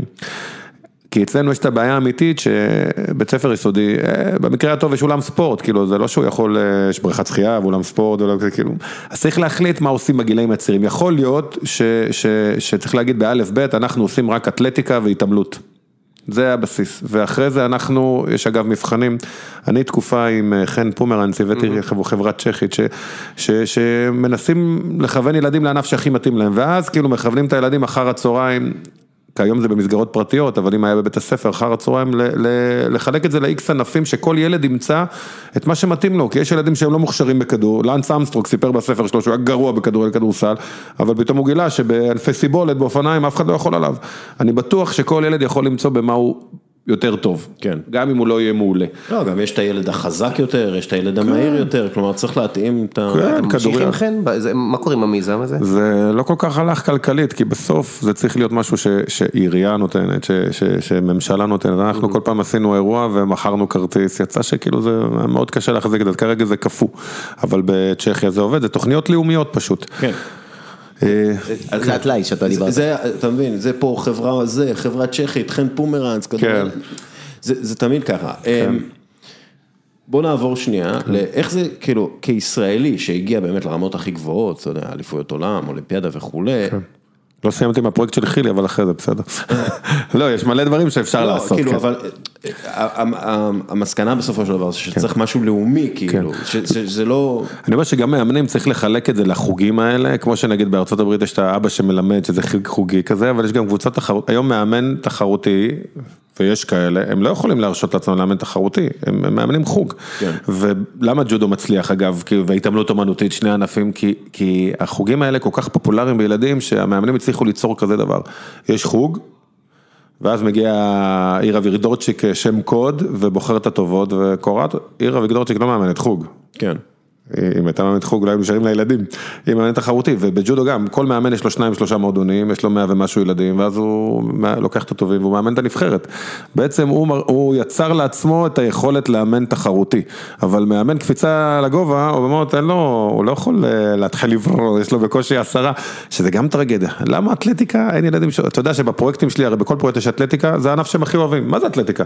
זה לרוץ, זה שלוש מקלות, זה, זה מה שהם עושים כל החיים, ואין ילדים באתלטיקה. וזה הבסיס הספורטיבי להכל. כן, זה מצחיק שילדים לא הולכים לאתלטיקה, כאילו, כי זה נשמע להם אתלטיקה, נשמע להם, לא יודע, קפיצה במוט אולי, כאילו, ילד, כל ילד צריך לעשות אתלטיקה, זה כל כך פשוט, עכשיו גם אין אצטדיוני אתלטיקה, כאילו, מה, יש לך חמישה בארץ, כמה אצטדיוני אתלטיקה, יש משהו כזה. זאת אומרת, הרעיון הזה של לתת למאמנים כמו אלכס מרמן, יכולת לקבל אור מהעירייה, לקבוע להם, יש דרגות כאלה ברוסיה, היה דרגי master sport, יש כזה כל מיני דרגות של, גם של ספורטאי וגם של מאמן, ואז יודעים באיזה רמה הוא. נגיד פוטין היה master, הוא היה כאילו... כן, פוטין. לא, היום הוא ה master של ה master, אבל גם בספורט יודעים שהוא היה אלוף ברמה אה, עירונית. כן. תחשוב, אז בברית המועצות זה גם משהו רציני. אגב, אתלטיקה זה לא רק הבסיס, עמרי אפק אמר לי על זה, שהוא היה באימון אתלטיקה והוא ראה את איך מלמדים אותם תנועה, הוא אומר, גם עבורי ככדורגלן זה היה לי ממש טוב אם היו נותנים לי איזשהו אימון אתלטיקה עם אנשים שמבינים אתלטיקה, זה היה משפר אותי ככדורגלן. כלומר, יש משהו באתלטיקה שזה לא רק בבסיס א' ב', אלא גם בגילאים יותר, אה, בטח בספורט הישגי, שצריך לעשות את החיבורים האלה. בין הענפים. ואתה חושב שאם היו עושים ג'ודו, הכדורגלנים או הכדורסלנים, הם לא היו משתפרים בלתפוס עמדה ולשמור על יציבות והכל? אגב, הכדורמים, אנשים, רויטל, היושב ראש אמרה לי, יש אימון בשבוע, אני לא יודע אם הם עוד עושים את זה, בג'ודו. וואלה. שהבנות כן. מהכדורמים בג'ודו. בכדורגל התחילו, שי אבואב, בעלה של רותם, שעושה את הזה, הוא עכשיו מנסה ליצור, הבאתי לו מאמן, שכאילו יאמן את כן, הכדורגלנים נכון. שלו פעם בשבוע. כן. אגב, בעקבות, אה, לא משנה, אבל אה, אייקס, במשך שנים, המועדון, כדורגל, כן. הילדים הולכים לג'ודו, הילדים כן. הולכים לבייסבול בשביל קואורדינציה עין, אה, כן. יד, אה, רגל, ומלמדים אותם את המגוון הזה, אנחנו רואים כל האלופים הכי גדולים התחילו באיזשהו מגוון מאוד רחב, כן. ספורטיבי רחב, הם, הם עשו כדורגל ועשו כדורסל ועשו ריצה וקפצו על... לא, זה, זה ווין ווין, זה ווין ספורטיבי לענפי העל האלה. זה ווין כלכלי גם, כי אז הג'ודו מארח עוד אנשים או ענפים יותר קטנים, מארחים מסות יותר גדולות, זה נכון. אני חוזר לשאלה ש... כן, סליחה. כישראלי שהגיע לרמות הכי גבוהות, איך משפיע בעצם העוני הספורטיבי שאתה מגיע ממנו, העוני התרבותי שאתה מגיע ממנו? כשאתה מול יריב הונגרי או כן. יריב... אה, קודם כל זה משפיע מאוד מנטלית. מאוד. אתה, אוטומט, כמו שאני הרגשתי מפרדס כץ בנבחרת ישראל עם רגשי נחיתות, ככה כשאתה מישראל מגיע לחו"ל אתה מרגיש, בטח בתקופה שלי היום בג'ודו אני מניח שמרגישים קצת יותר טוב, עדיין לא כמו הרוסים או הגרוזינים, אבל, אבל זה לא כמו שהיה פעם. ו, וזה משפיע, אני יכול להגיד לך שבתקופה שלי שהייתי, התחלתי להתחרות ככה בוגרים, בגילאי 18, היינו זוכרים, אז לא היה גרנד סלאם גרנד פרי, זה מהלך שיווקי חכם של איגוד הג'ודו העולמי, היה טורניר A באנגלית והיה B, זהו. ואם היינו זוכים במדליה בטורניר A, היינו חוזרים ומביאים שתייה ועוגה למחר בחדר, באימון כושר, כאילו זה היה חגיגה, זה היה משהו נדיר, טורניר A להביא מדליה, גם לא היה הרבה, זה היה יחסית קשה.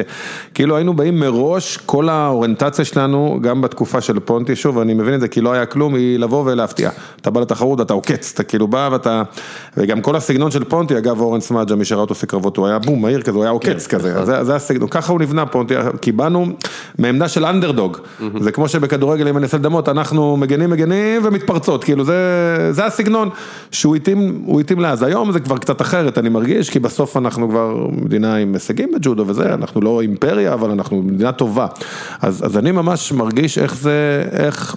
מנטלית, אני, אני מאוד דיקטינות, כאילו עד שהגעתי לנבחרת הייתי מאוד פורץ גבולות, בגלל המאמן הגרוזיני שלי שהוא היה פחות מבין בג'ודו, אבל, אבל הוא היה גרוזיני. הבין במכות. כן, הבין במכות. תשמע, אני בגיל 15 זכיתי באליפות ישראל לבוגרים. כן. כיתה ט', אני היום לא אשלח את הספורטאים שלי להתחרות בבוגרים, ניצחתי את האח הגדול של אורן, את איציק סמאג'ה. אני אומר לך, אני, אני כאילו, וזה היה נראה לי, באותה תחרות נשבע לך, זה היה נראה לי הגיוני שאני הולך לקחת, כאילו, אני באתי לקחת, אני היום חושב, אני לא יודע איך זה קרה, כי, כי הוא מגיל 13 התחרתי בוגרים, אז באיזשהו שלב הרגשתי שאני, וכשהגעתי לנבחרת פתאום הרגשתי מעצורים כאלה, סביבתיים, כאילו, וואי, להיכנס לסגל, אני חייב, אני מספר סיפור בהרצאות הפתוחות שלי, שכשהייתי בן 20 עדיין, עדיין ג'וניור, אלוף אירופה ג'וניור, רציתי להתחרות בוגרים, כי ידעתי שאם אני מסיים במקום השביעי בעולם, אני נכנס לסגל האולימפי הכי בכיר. וטסתי לאליפות העולם בצרפת. אה, ניצחתי שני קרבות, הפסדתי אחד, ניצחתי עוד שניים בבית הניחומים, הגעתי לשביעייה הראשונה. יש הפסקה של שעתיים שלוש בשביעייה, אני רץ למלון, מתקשר לחבר שלי, גיא, אני שביעי, נכנסתי לסגל, הייתי בטירוף. כל החבר'ה באיגוד הג'ודו חגגו בצהריים, כאילו אז גם הייתי הראשון, כי אורן בדיוק פרש, זה בדיוק שהיה לי בתפר הזה שאלכס החליף את פונטי. ואז באתי לאחרי ההפסקה לקרב מול רומני, הפסדתי, אתה יודע, הייתי קצת בועז, בערב כבר יצאתי, לא אכפת לי, עמדתי במטרה שלי. למחרת אני בא לראות את התחרות במשקלים הנמוכים, אני רואה שני חברים שלי מהג'וניור, רוסי ומולדבי, שניהם בני 20 בגיל שלי. טה-טה-טה-טה, זוכים במקום השלישי, כל אחד במשקל שלו. ואני מסתכל, אני אומר, מה זה, איך הם זכו שלישי? בוא'נה, הם לא כאלה תותחים. ופתאום התחלתי להתעצבן על עצמי, כאילו איך אני משביעי בעולם הזה, חגיגות כל הלילה, מתקשר לארד, ואלה באים, בלי בושה. גם הסתכלתי עליהם לפני הקרב על הארד, ואני רואה שהם הולכים לנצח את הקרב, כאילו, בוא'נה, ו, ושבועיים אחרי זה, זה כאילו הפאנץ' הכי גדול של הסיפור, שבועיים אחרי זה אני בא להתחרות בליגה הגרמנית, אני הייתי שם שחקן חיזוק, מי עומד בולי בקרב הראשון? אותו רומני שניצח אותי באליפות העולם, אני אומר לך, תוך דקה וחצי זרקתי לו שלוש פעמים. בעצם זה ממש נקודה ש, שהבנתי. שאם הייתי מציב לעצמי מטרה קצת יותר גבוהה, אם, אם הסביבת העבודה שלי הייתה כזאת ש, שגורמת לי להאמין שאני יכול לזכות במקום השלישי, אני, אני הייתי זוכה במדליית ארד בגיל 20. נראה לך שאותו רוסי או מולדבי יכולים לחזור ממקום שביעי בעולם לרוסיה ולחכות לקבלת פנים, הם מבחינתם, הם הולכים על מדליה, זה בכלל לא משנה אם אתה בן 18, 19, אצלנו זה היה מאוד מאוד בולט בתקופה שלי, זה קצת פחות עכשיו, אבל זה עדיין, זה, זה, אז פה, קודם כל, כאן אתה מרגיש את העוני התרבותי שלנו, שאנחנו כן. מכוונים לרף מאוד מאוד נמוך. וזה משתנה לטובה, אנחנו רואים בהתעמלות, אנחנו רואים בג'ודו, אבל, אבל זה מאוד... אתה יודע מה אני חושב, תקן לי בנטי אוראל, שכל אלה שרוצים את ברקוביץ' לאמן את הנבחרת, זה יושב על זה. יכול להיות, בואנה, מה זה, אנחנו צריכים, מה, מה זה, ולא רגשי נחיתות האלה וכל הזמן ההלקאה העצמית. כן. אפשר לדבר הרבה על ברקוביץ', אם כן. מתאים או לא, אבל כן. אני חושב שזה יושב על כן. מה שאתה, חלקו על מה שאתה אמרת. סיפרתי לך את זה פעם, שכשנבחרת ישראל לנוער בכדורגל זכתה במקום השלישי באירופה עם אה, בניון, ב-96, אתם זוכרים? כן. אז אני בדיוק זכיתי, הייתי אלוף אירופה עד גיל 21, עשו עליהם כתבת אמצע, אני ממש זוכר את זה, כל אחד, אה, אה, התפקיד שלו, שערים, זה מה החלום שלך. נבחרת של בניון אז. כל השחקנים באותה נבחרת, חוץ מאחד, תקשיב טוב, שאלו אותם מה החלום, הם אמרו, שחק מכבי תל אביב, מכבי חיפה, בית"ר ירושלים, נבחרת ישראל, מכבי חיפה, אחד אמר, שחק באירופה. יוסי בניון, היום הוא חבר קרוב, הוא אמר לשחק בנבחרת ישראל. עכשיו יכול להיות שהם הצטנעו כתבה ראשונה, אבל גם זה מעורר שאלות. בואנה, שאלו את יוסי בניון, הכישרון הכי גדול אי פעם שהיה כאן. שהיה באייקס. שהיה כבר באייקס. כן, היה כבר באייקס. מה החלום הכי גדול שלך? מה, זה, זה, זה מביא, בושה להגיד, אני יכול לשחק בריאל, ברצלונה. הם התביישו להגיד. אתה קולט, עכשיו עזוב שהוא עבר את זה, תחשוב, כי סביבת העבודה שלו הייתה כזאת, תחשוב שמגיל צעיר אמרו לו יוסי, יוסי, אתה, אתה צריך להיות אה, אחד הטובים בעולם, הוא היה גדל ככה, כאילו כמה הקטינו אותם, את השחקנים האלה מגיל צעיר, כאילו.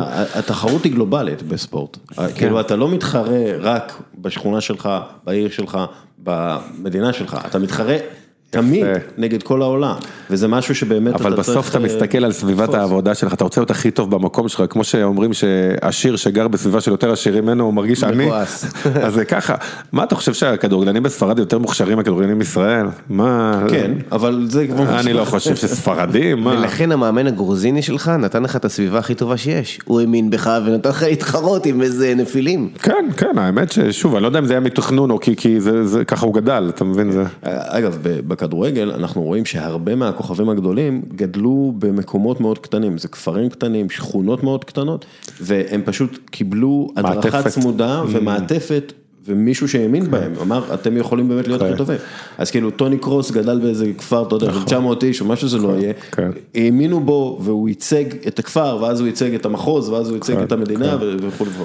נכון. אמ, אני אשמח לדבר עליו. על מי?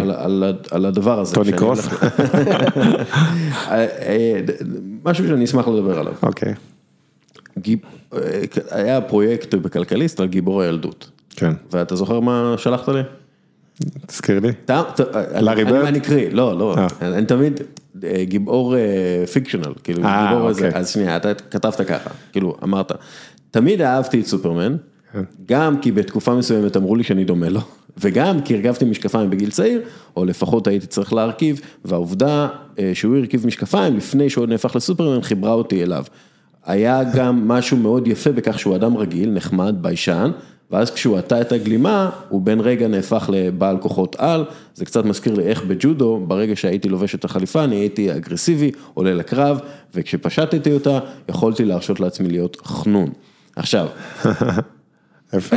דיברנו, אני וניב דיברנו לפני זה על, על בעצם, אתה, ניב, ת, ת, ת, תגיד את זה, כי, כי אתה באיזשהו מקום מאוד דואלי, נגיד את זה ככה. כן. כן, אני ככה, כהכנה אמרתי לאוראל, תשמע, הבן אדם הזה, מה זה דואלי? ואז אה, הביא את הסופרמן. גדל. איפה הדואליות הזאת? בכמה דברים.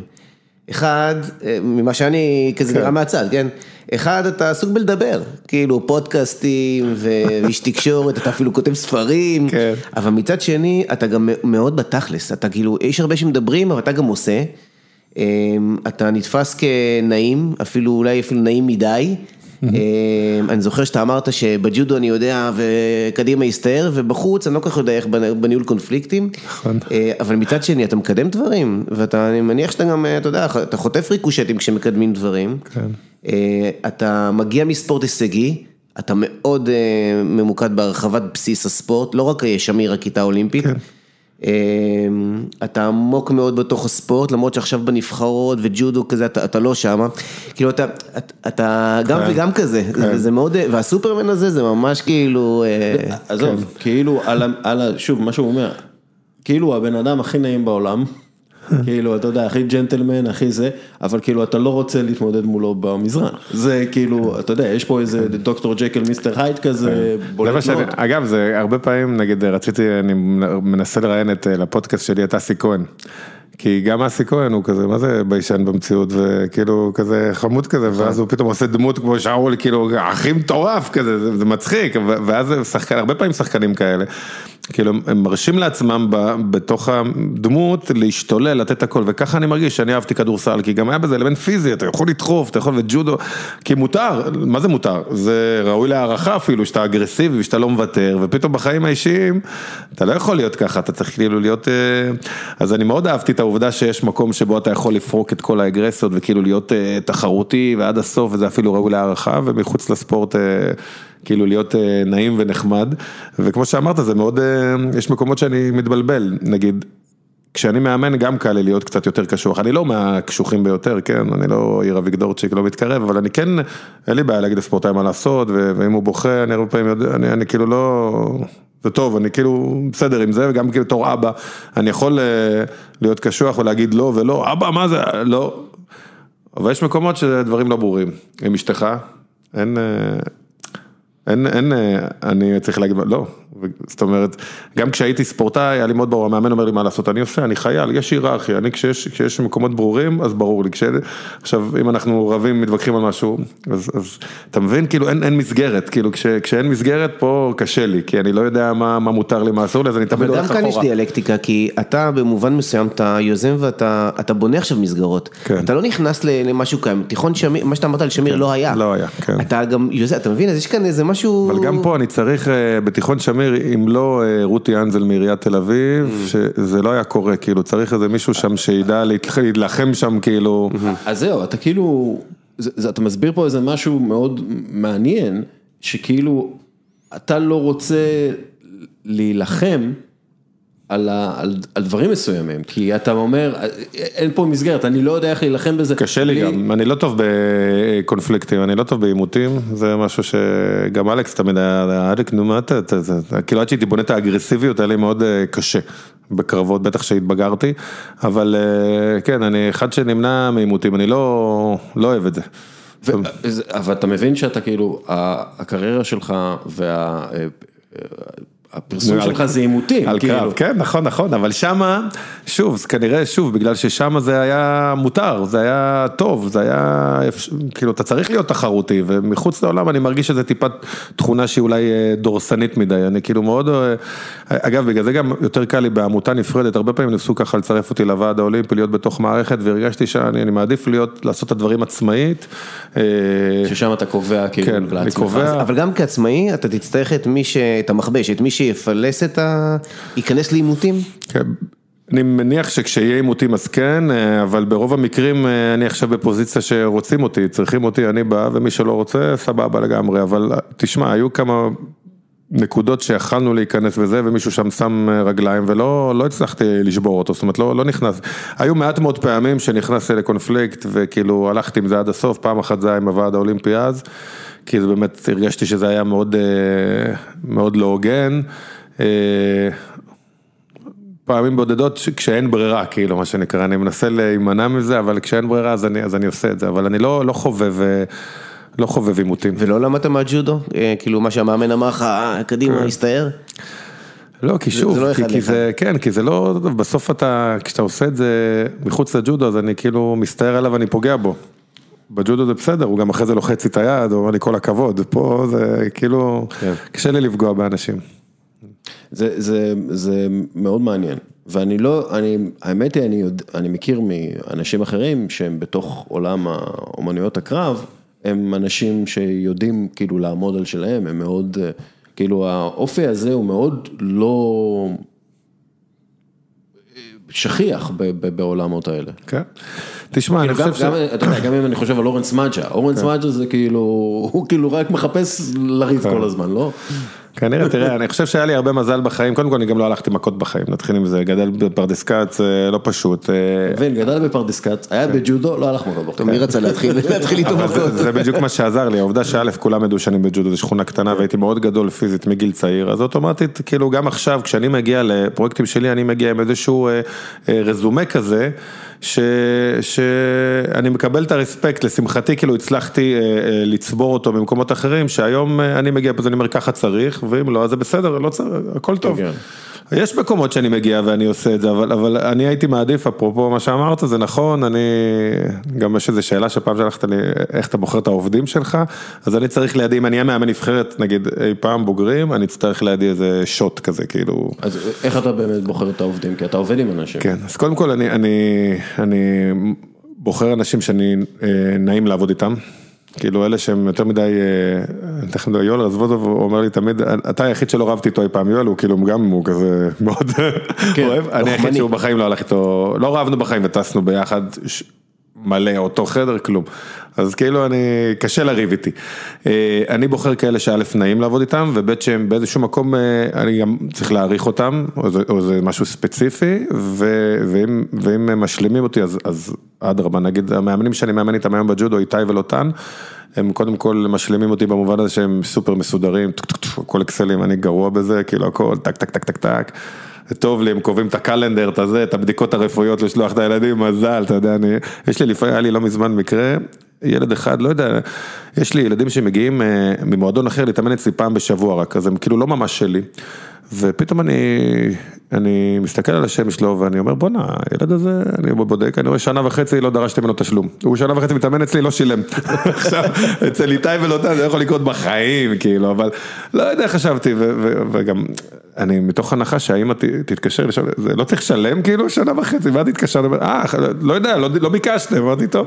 בקיצור, אז, אז, אז אני בוחר, הם מאוד משלימים אותי ומאוד נעים לי לעבוד איתם, כאילו זה, זה שני, שתי התכונות, ואני מעריך אותם מקצועית, הם בנו, יש להם 700-800 ילדים, בנו מערכת מאוד מאוד יפה. אז זה, זה כאילו, ובפרויקטים שלי אני, קודם כל, בגלל שחשוב לי שזה יצליח, אני בוחר מאמנים הכי טובים שאני מכיר, אני, נגיד אם באתלטיקה אין לי מאמן, אני מתייעץ עם רוגל, מי המאמן הכי טוב שאתה מכיר באזור, ואני בוחר בו. ושוב, אני מניח שבעתיד אני אצטרך אה, להתעמת, אבל אה, בסדר. בעתיד. כן, אנחנו כן, אני בן 20, לא, אבל בסוף, ברגע שאתה עושה משהו שאתה בטוח בו וזה, אז הרבה יותר קל להתאמץ. זאת אומרת, נגיד, אחד העימותים הכי קשים שהיו לי, זה לא עימות במובן של כלל, נגיד, אה, המאמן שגידל אותי, הייתה תקופה שהוא רצה ללוות אותי. אספר פה משהו מאוד מאוד אישי. אה, ולי היה ברור שהוא לא יכול להחליף את אלכס אשכנזי.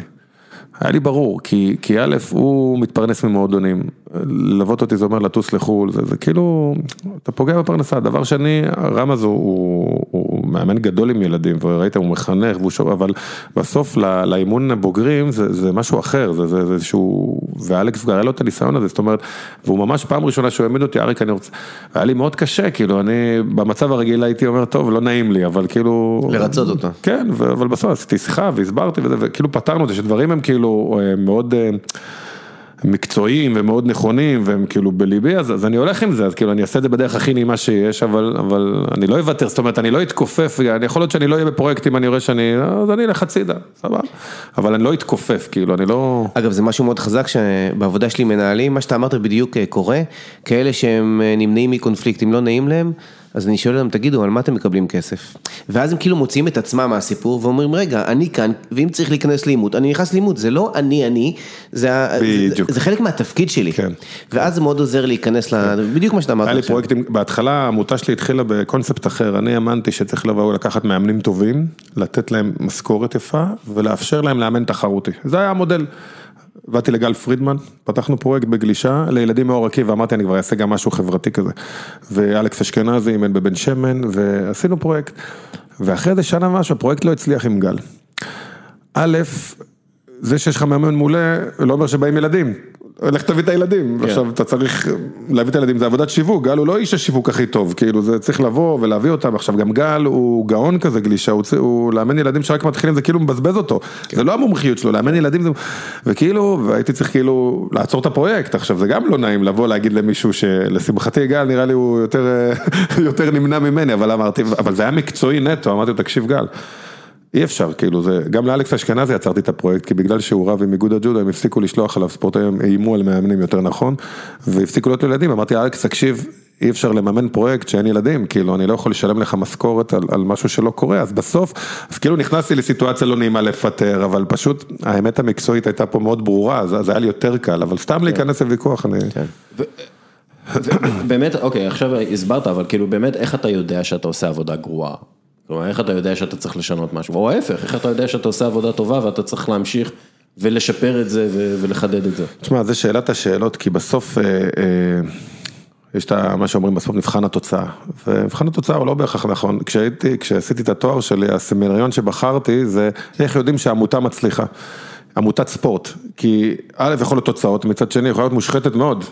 כאילו יכולים להיות גנבות ועדיין יש מדליות, מה זה אומר שהעמותה טובה? מצד שני יכולה להתנהל למופת ולגייס כספים ואין תוצאות, כאילו איך אתה יודע שאיגוד נגיד מצליח? מה רק התוצאות? וזו שאלה מאוד מעניינת, ואני חושב שזה בסוף אה, שקלול של הכל, כי בסוף גם בארץ, בעיקר, מה זה בארץ? בכל תחום, לא רק בספורט, כשאתה רואה תוצאה, שורה תחתונה, אתה אוטומטית מסיק כל מיני מסקנות.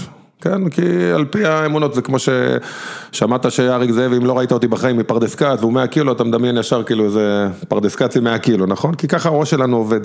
והרבה פעמים זה שיש תוצאה לא אומר אה, א', ב', ג', יכול להיות שיש סיבות אחרות לתוצאה. וכדי להבין באמת, תמיד אלכס היה אומר לי, אריק, לעשות ניתוח של תהליכים זה מסובך, זה באמת מסובך, זה כאילו להבין למה יש הצלחה מסוימת, ישר יגידו זה בגללו, לא.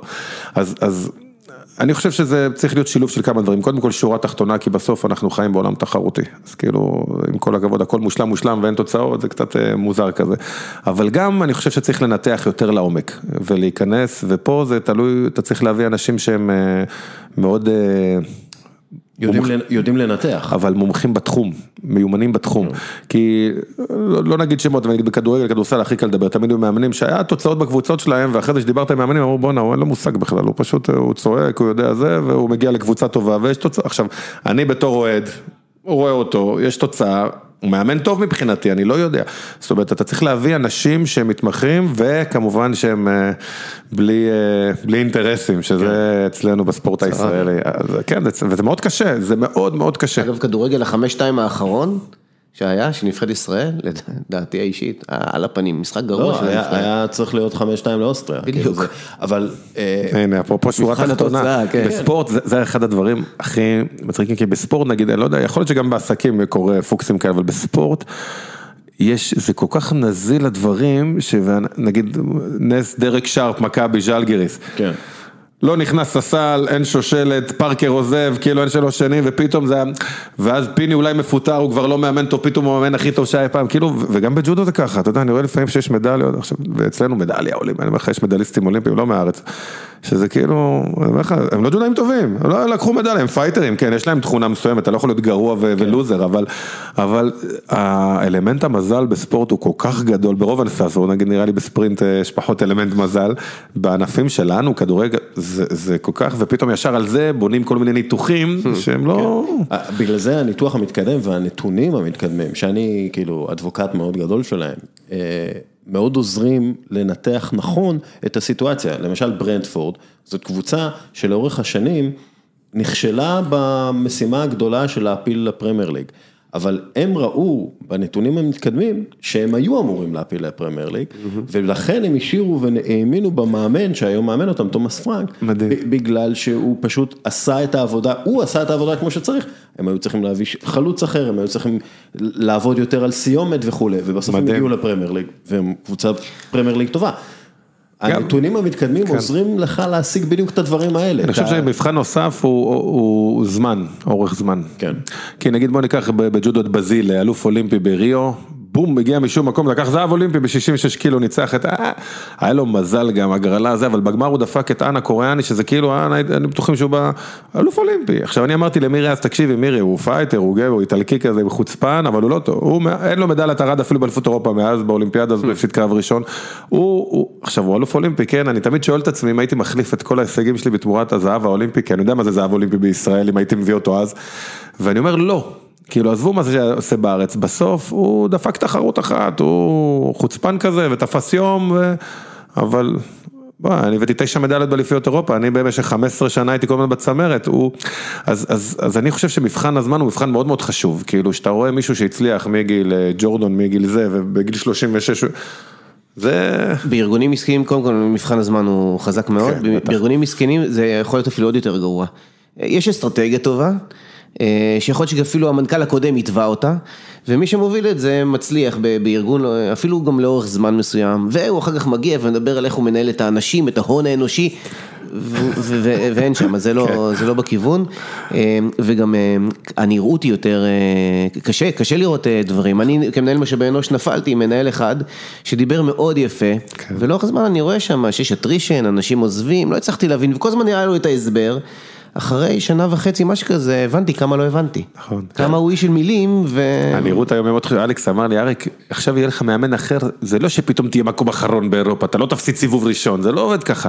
כאילו דברים קורים לאט לאט, לפעמים אפילו, אם עכשיו ישימו אותי למנכ"ל מייקרוסופט, אני לא אעשה כלום, אני אשמור על הדברים, כאילו, החברה לא תתפרק, זאת אומרת, זה, זה דברים שקשה, בגלל זה אני אומר, נגיד, תמיד שמים, לא יודע, שר ביטחון, אוצר, אה, ששמו את יאיר לפיד כ... אה. בזמנו, כשר האוצר, אמרו כאילו לא, עכשיו במנגנונים כאלה גדולים שיש המון שכבות הגדנה, שר, שר הביטחון אחראי, הדברים לא, לא השתנו, יש כבר, יש כל כך מערכת איזונים ובלמים, גם לא צריך לעשות רפורמות. בספורט חשוב מאוד מישהו, צריך לעשות רפורמה, לא צריך לשמור על הקיים. כאילו בשביל לשמור על הקיים יכול להיות מישהו מאוד בינוני, שישאיר בערך אותם הישגים, אולי בפוקס הוא יעלה, או... כדי לעשות רפורמה, בספורט הישראלי צריך רפורמה, צריך מישהו שכאילו... אני מאוד בונה על חילי, כאילו אני גם בתחושה שלי הרגשתי שהוא בעניין והוא רוצה ו- וזה באמת שעת כושר מאוד מאוד אה, טובה, כי הוא אמר לי משפט מאוד יפה שראיינתי אותו ו- ועל זה אני בונה, הוא אמר לי אריק, אה, אני אמרתי לו את המשפט שלך, שהסינים אומרים שכדי להצליח צריך לשתול עץ, שהילדים שלי ייהנו מהעלים, נכון אתה אמרת לי את זה, כן. אז הוא אמר, אתה יודע מה הזמן הכי טוב לשתול עץ? אני אומר לו, מתי הוא אמר לי? לפני 20 שנה. מתי הזמן השני הכי טוב? עכשיו. אז הוא כאילו, נראה לי שאחד שמוכן לעשות פרויקט שהוא לא יקצור את הפירות שלו. שזה בסוף מה שצריך בספורט הישראלי, מישהו שיהיה... שזה, אגב, שזה מה שצריך בחברה הישראלית. כן, אבל בביטחון עובדים כן. ככה, יש תוכניות רכש ל-23 מטוסים, בהייטק, הם זה, מסתכלים... זה, בגלל, זה בגלל שיש להם ביטחון תעסוקתי, הם היו 40 שנה. לא, זה בגלל שהיינו במלחמת קיום, בסוף כן. יש מוחות במדע עובדים ככה, בוא'נה עושים ניסויים של עשר שנים, רק בספורט עובדים ב... ב- בוא- תמיד מדברים על מאמן נבחרת ישראל בכדורגל בוגרים, זה משגע אותי, כאילו, מה- מה מה זה משנה? ובסוף זה לא, זה לא הדבר החשוב. ובסוף מביאים את מי שלא היה אמור להיות המאמן, אלא כן, אבל זה לא משנה. נגיד לא. שפפ יבוא לאמן נבחרת ישראל בוגרים, ופפ אני מת עליו, הוא יעשה אותם יותר טובים, אולי אפילו יעפילו, אבל ישראל לא תשתנה, צריך לבוא. מה הכי מצחיק? אני חושב שהוא יאבד את השיער כן, שיש לו. אה, בתוכנה, כמה זמן אתה צריך כדי לפתח תוכנה? מ- מאפס. תלוי ב- בסקייל וזה, אבל שנה, שנתיים, יש לך כבר איזה מוצר עובד. אוקיי. כמה זמן לוקח לפתח אה, ספורטאי הישגי? טוב, הם לא חושבים על זה שהוא התחיל בגיל שבע, כן, אז נכון. כן, זה- זה עשר שנים וצפונה, כלומר, דווקא כאן צריך עוד יותר זמן, התהליך ולעקוב ולא... אבל עדיין גיגי לוי הייתי איתו באיזה פאנל והוא אמר שממוצע הסטארט-אפים בישראל עשר וחצי שנים. תמיד יש לנו איזו תחושה שזה שנה וחצי, מובילאיי זה עשרים שנה. עשר וחצי שנים ממוצע האקזיטים. אה, אה, של. אקזיט, של אקזיט, כאילו, כן, כי סטארט-אפים הם- הם- הם שנה, שנתיים, זה הממוצע כאילו. כן, אבל יש סטארט-אפים, אתה יודע, הכל תלוי באקזיט, היום בכלל לא הולכים, הולכים להנפקות כבר, כאילו, אז, אז אתה רואה שאנחנו תמיד רואים את ההצלחות של האלה שתוך שנה, שנתיים מכרו, אבל כן. בסוף, גם לבנות חברה, זה, מה זה גם, זה, זה תהליך ענק, אה, שאלות אחרונות. כן. מה מקור המוטיבציה עבורך? אבל יש מקור מוטיבציה לקריירה ויש מקור מוטיבציה לאחרי הקריירה, ואני רוצה לחלק את זה. אוקיי. כי מה גרם לך, חוץ ממאמן ממש טוב, לרצות לעלות על המזרן ולהיות מישהו אחר לחלוטין ממי שאתה בחיים, ולהיות הקילר הזה והרוצח הזה על המזרן? מה, מה, ו- ולהתאמן על זה ולעבוד על זה ולהשקיע בזה את כל השנים שהשקעת בזה. כן. אני כל הזמן חושב על הדבר הזה, קודם כל הייתי ילד תחרותי, הרבה יותר אה, ממה שהייתי בבגרותי, אפילו מעצבן כזה, רוצה לנצח בהכל, אה, גם בטריוויה לדעת הכל, כאילו היה בי את האלמנט הזה, אני חושב שמה ש... אה, אחים שלי גם מצטיינים בתחום, אחי היה, הוא שניהם מהנדסים, עתודאים, גאונים כאלה, אני כנראה הייתי צריך למצוא את המקום שלי, וזה היה ספורט. אני חושב שהפעם הראשונה שהבנתי את העוצמה של זה, שנסעתי לנבחרת ישראל בווינגייט להתאמן. עכשיו אני מפרדס כץ עם קצת רגשי נחיתות, יש אימפריות של הפועל פתח תקווה, אז הייתה בשיאה במכבי תל אביב, אז יאללה רדד שם, ואני מגיע מהפועל בני ברק, כן, שזה לא אימפריה בשום דבר. אבל כשאתה מגיע לנבחרת על המזרן, הם, אה, הם לא מעניין אותם איפה אתה, אתה, אתה זורק את הטוב, והם מתלהבים ממך, והם מסתכלים עליך בהתלהבות, ו- ופתאום אתה מבין שהנה המקום שבו אני נשפט. רק על פי היכולות שלי. וזה, יש בו מקום מאוד מעודד, כאילו הנה אני יכול להראות לכולם שאני הכי טוב, וזה לא משנה מה, מאיפה אני מגיע, אני חושב שזה היה drive מאוד מאוד חזק, וגם רצון אה, למצוא את המקום בו אני יכול להצטיין, כאילו גם בהקשר של המשפחה שלי אני מאמין, אה, זה drive מאוד גדול, ועם הזמן כבר התחילו כל מיני... מטרות, תמיד אומרים לי, "מה, ישר רצית להיות אלוף אולימפי? אז אני מספר שפעם ראשונה שטסתי לחו"ל, הייתי בכיתה ח', אה, טסתי לצרפת ונחתנו בציריך גם, אני לא אשכח את זה. ואז אדי כהן, זה היה מאמן הנוער, אומר לי, אריק בוא, אנחנו הולכים לאכול, אמרתי לו, רגע, אני הולך להביא את הארנק. אז הוא אומר לי, לא, זה, אתה טסת מנבחרת ישראל, זה ממומן, אמרתי לו, וואו, וואלה, באמת, הייתי בשוק. ואז הלכו למסעדות וזה, אמרתי, בוא'נה, אני חייב לטוס עוד פעם, כאילו זה, אני חייב עוד טיסה אחת, כאילו זו הייתה מוטיבציה לטוס עוד פעם, כאילו, רק בהמשך, שכבר ראיתי שאני ישראל בוגרים, ואז אמרתי, רגע, פתאום התחילו מטרות כזה, הכי טוב אה, באירופה, הכי טוב בזה, כאילו, רק אז, זה פה האופי התחרותי שלי, רציתי להיות הכי טוב שאני יכול, אבל שמה אני חושב היה ה drive הכי גדול שלי, והיום, אני מנסה לחשוב, יש drive אחד מאוד גדול אה, להגיע, אני מאוד מאמין בחוסן, אני חושב שזה הדבר הכי חשוב בחיים, חוסן אה, נפשי, חוסן בריאותי וחוסן כלכלי. אני, שניים הראשונים יש לי, הכלכלי עדיין לא קיים, אני חי יפה וטוב, אין לי תלונות, אבל אין לי ביטחון, אני לא יכול עכשיו אה, חודש לעשות טיול בעולם, חודשיים, לא. קורונה בהתחלה זעזעה אותי, כאילו אני ממש הייתי שבועיים ראשונים בהיסטריה. אז, אז יש לי מוטיבציה אחת באמת להגיע לחוסן כלכלי ובגלל זה אני עושה עוד דברים שלא קשורים לספורט, כאילו הפנטזיה שלי, אני תמיד אומר לאלה שאני עובד איתם, שיהיה לי ביטחון כלכלי כזה שאני אוכל רק לאמן ולהיות עם העמותה, זהו, כאילו, כן. אני, אני, אבל אני לא יכול להרשות לעצמי רק לאמן, אני גם לא מאמן אה, כלכלי, אני לא מאמן חוגים, אני מאמן תחרותי, אז זה פחות כסף. אה, אז, אז זה מוטיבציה אחת שלי, להגיע לאיזשהו ביטחון כלכלי, והשנייה היא... כמו שבג'ודו ניסיתי לקבוע תקדימים, כאילו להיות הראשון, זה הכי צעיר שעשה אי פעם, הכי מבוגר באירופה, גם פה אני, כאילו אני מנסה לחשוב, אני- הרצון להקים את העמותה הגיע משתי, משתי סיבות נקרא לזה, אחד זה באמת כי אני, אני מת, מתבאס שדברים לא קורים כמו שאני חושב שצריכים לקרות, כאילו זה חבל לי שישראל נמצאת במקום כל כך לא טוב מבחינה ספורטיבית, זה מעצבן, כאילו שאתה רואה מדינות מאפנות כאלה, קוסובו, וזה זה, כאילו זה משגע אותי. והסיבה השנייה שגם כאילו אני מרגיש שאם אם בסוף הפרויקטים שלי יצלחו ו- ויצמחו משם ספורטאים ויהיה איזה שינוי שהוא ייחתם על שמי, זה גם איזושהי מוטיבציה. אה, כאילו המורשת האישית פה בעצם. כן, כן, אני מניח שיש בי איזה רצון, כאילו מה שלא הצלחתי לעשות כספורטאי, אז אני רוצה לעשות או כ- כמאמן, בגלל זה אני גם מאמן, או כ- כמישהו שיעשה את העמותה הזאת, אבל... דברים שאתה לא מוכן להתפשר להם. תשמע, יש לי איזה יושר מקצועי, אני אגיד לך עכשיו, נגיד בעמותה שלי עשיתי את המיונים בבית ספר של הילדים שלי, שיותר אני לא עושה את המיונים, וחלק מהילדים שם במיונים הם אצלי בג'ודו, באופן פרטי, והם לא עברו את המיונים. עכשיו פה, זה, כאילו, איך אני יכול להסתכל לאמהות בעיניים, כאילו הילד שלהם אצלי בג'ודו ואני כאילו לא מכניס אותו לפרויקט מצוינות ו- ולא נכנסו. זאת אומרת, היה פה איזה משהו שלא יכלתי לעשות וזה, כאילו אפשר לחשוב, איזה ילד ה-24 ייכנס כאילו big deal, אתה יודע, זה לא שבחרתי את אה, זוכה פרס ישראל, כולה כיתה ג' ולא הצלחתי לעשות את זה, כאילו יש משהו, אה, אה, עכשיו שוב, אני לא, לא, לא צדיק, כן, לא אפיפיור, אבל... אה, לא יודע אם אפיפיור כזה צדיק, כן, תמיד אומרים לו אפיפיור, כן, כן. כבר פגשנו אפיפיורים, כן, בוא- נגיד שהאפיפיור, למרות שהאפיפיור עכשיו הוא נראה לי, עכשיו הוא כן, הוא נראה צדיק. כן. לא בדיוק ראיתי את הסרט עם אה, תום הנקס עם קוד דה וינצ'י עליו, ההוא שהאפיפיור, פתאום זה עשה לי קונוטציה לא טובה. אה, יש לי יושרה מקצועית שאני לא אתכופף, לא יודע, אני אני לא... לא אפגע במישהו במכוון, נגיד עם קו אדום, זאת אומרת, לא, אין, לי, אין מצב שאני אדפוק ילד, הייתי מאמן נבחרת הקדטים, אין מצב שאני, בגלל שאני לא, לא אוהב את המאמן, אני, אני כן. לא, אין כזה דבר, זה, זה, זה לא יקרה אצלי. ושאלה אחרונה, כן. תמליץ לי על ספר. וואו. זו שאלת ההתקלה. תשמע, האמת, זה ספר כבר מאוד מאוד ישן, אבל אני ממליץ עליו גם כי הוא ספר מעולה וקראתי אותו איזה 7-8 פעמים, אבל גם כי הוא, הוא קשור קצת לעולם הספורט. קוראים לו המשחק של אנדר, של אורסון סקוט קארד, היה לו גם המשך קול המתים שהוא גם מטורף. זה סתם בגדול מי שלא מכיר זה כאילו הוא כאילו בדיוני הסיפור רקע הוא בדיוני למרות שהספר עצמו הוא לא.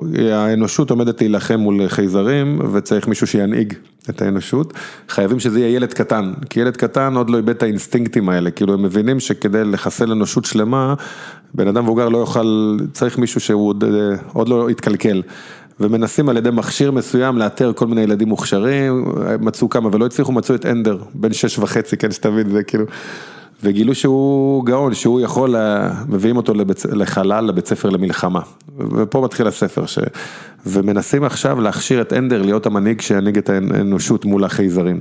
ומעמידים אותו במבחנים מטורפים, נגיד פעם אחת אה, בכוונה שולחים חבר'ה שיביאו לו מכות במקלחת והוא לבד והוא לא מצליח לקרוא, אז הוא צריך להסתדר, ופעם אחת יש משחק כזה, כמו נגיד, אני בטוח שבהארי פוטר לקחו את הקווידיץ' מהמשחק הזה.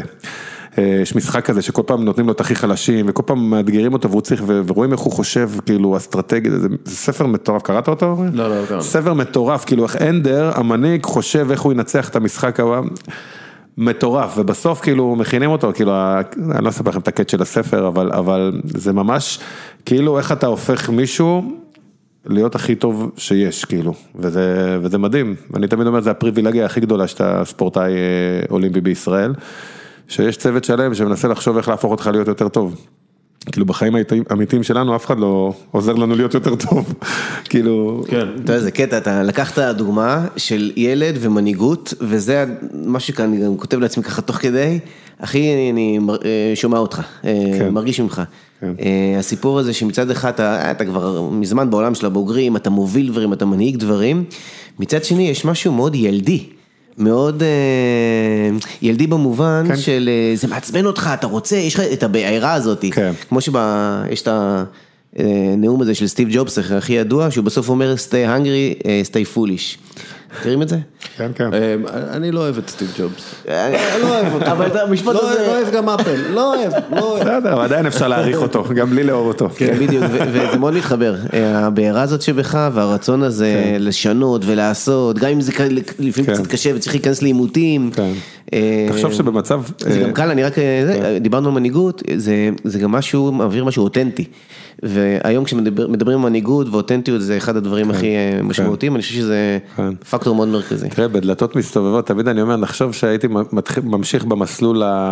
נגיד, אימנתי את הקדטים, המסלול הרגיל היה לאמן ג'וניור ואולי לאמן בוגרים, וכאילו, ויכול להיות שגם הייתי טוב בזה, כאילו, זה מה שרציתי, כאילו, אם היית חושב, אם היית שואל אותי כשפרשתי מה הפנטזיה שלי, אז אה, לנסות קצת לבסס את עצמי כלכלית, ובעוד 7-8 שנים גם לאמן את הבוגרים אחרי שאורן יסיים. ובגלל שקרה מה שקרה, פתאום אה, התחלתי לאמן ילדים. וגיליתי כמה זה כיף, כאילו, בכלל, היום אני, אתה יודע איזה כיף, החבר'ה שלי, ב, אני, אצלי מגיל 4, 5, 6, 7, אני בנית, אני בניתי להם את הג'ודו, אתה שמאלי, אתה עושה, זה מטורף, אם אחד מהם יגיע פתאום לאולימפיאדה וכאילו, והוא עושה את התרגילים, כאילו, שאת את הסגנון עבודה שאני, וואו. זה כל כך מרגש אותי, אבל, אבל בקלות יכול להיות שהייתי מפספס בכלל, לא הייתי יודע שזה כזה כיף, כאילו, זה מדהים איך החיים פתאום פותחים לנו דלת, ש, שהיא הייתה הדלת שמתאימה לך, אבל לא, כן. הגענו החיים הביאו אותנו לנקודה הזאת שאנחנו צריכים לסיים. בטח רצית שאני אגיד הספר נועה לוחמת הקטנה, נכון? אפילו לא חשבתי על זה רק עכשיו.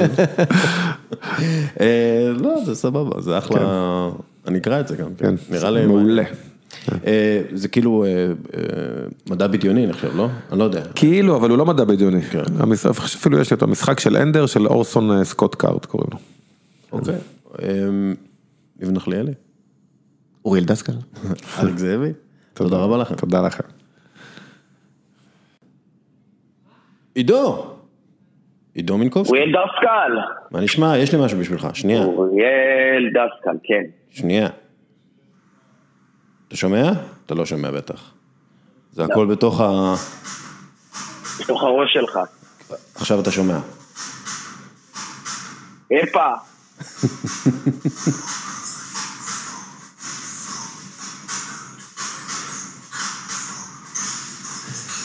מה זה השיר הזה?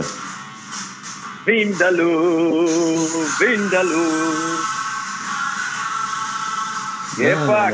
נה נה נה נה נה נה אז על מה רצית לדבר איתנו? בשלהי, אה, אה, ההתרגשות של אה, יורו 96 האגדית את צרפת 98 העולמית, אנגליה התעוררה כמו לפני כל טורניר, כמו כל קבוצת הפועל אה, אי פעם, עם ציפייה באמת אמיתית שיש סיכוי שהם יעשו משהו. עכשיו, אה, כמו שאמרנו שבוע שעבר, שהגאווה האנגלית יש בה מימד מאוד מאוד מרשים, הייתי אומר, של הומור עצמי. אגב, שתדע לך שאני ככה מקטלג אה, מתורבתים ולא מתורבתים. ככל שאתה בן אדם יותר מתורבת, יותר מתקדם, יש לך יותר הומור עצמי. זאת אומרת, אם תשים לב, אה, רוב האנשים שבקונוטציה שלך נחשבים בראש כחסרי תרבות ופרימיטיביים, אני מדבר מבחינת התנהגות, לא מבחינת uh, גיאוגרפיה, הם uh, לרוב אין להם הומור עצמי, אתה לא יכול לקלל את אימא שלהם וכאלה תמיד, אתה מבין מה אני אומר לך. בקיצור, האנגלים שבורכו בהרבה הרבה הומור עצמי, uh, הוציאו הרבה הרבה הרבה שירים, שאחד מהם היה של להקת פטלס, שהם מין טיפקס פחות מצליחה מאנגליה, שהתפרקו גם ב-2002, היה להם מוזיקה לדעתי מאוד טובה, אך שמעולם לא הצליחה.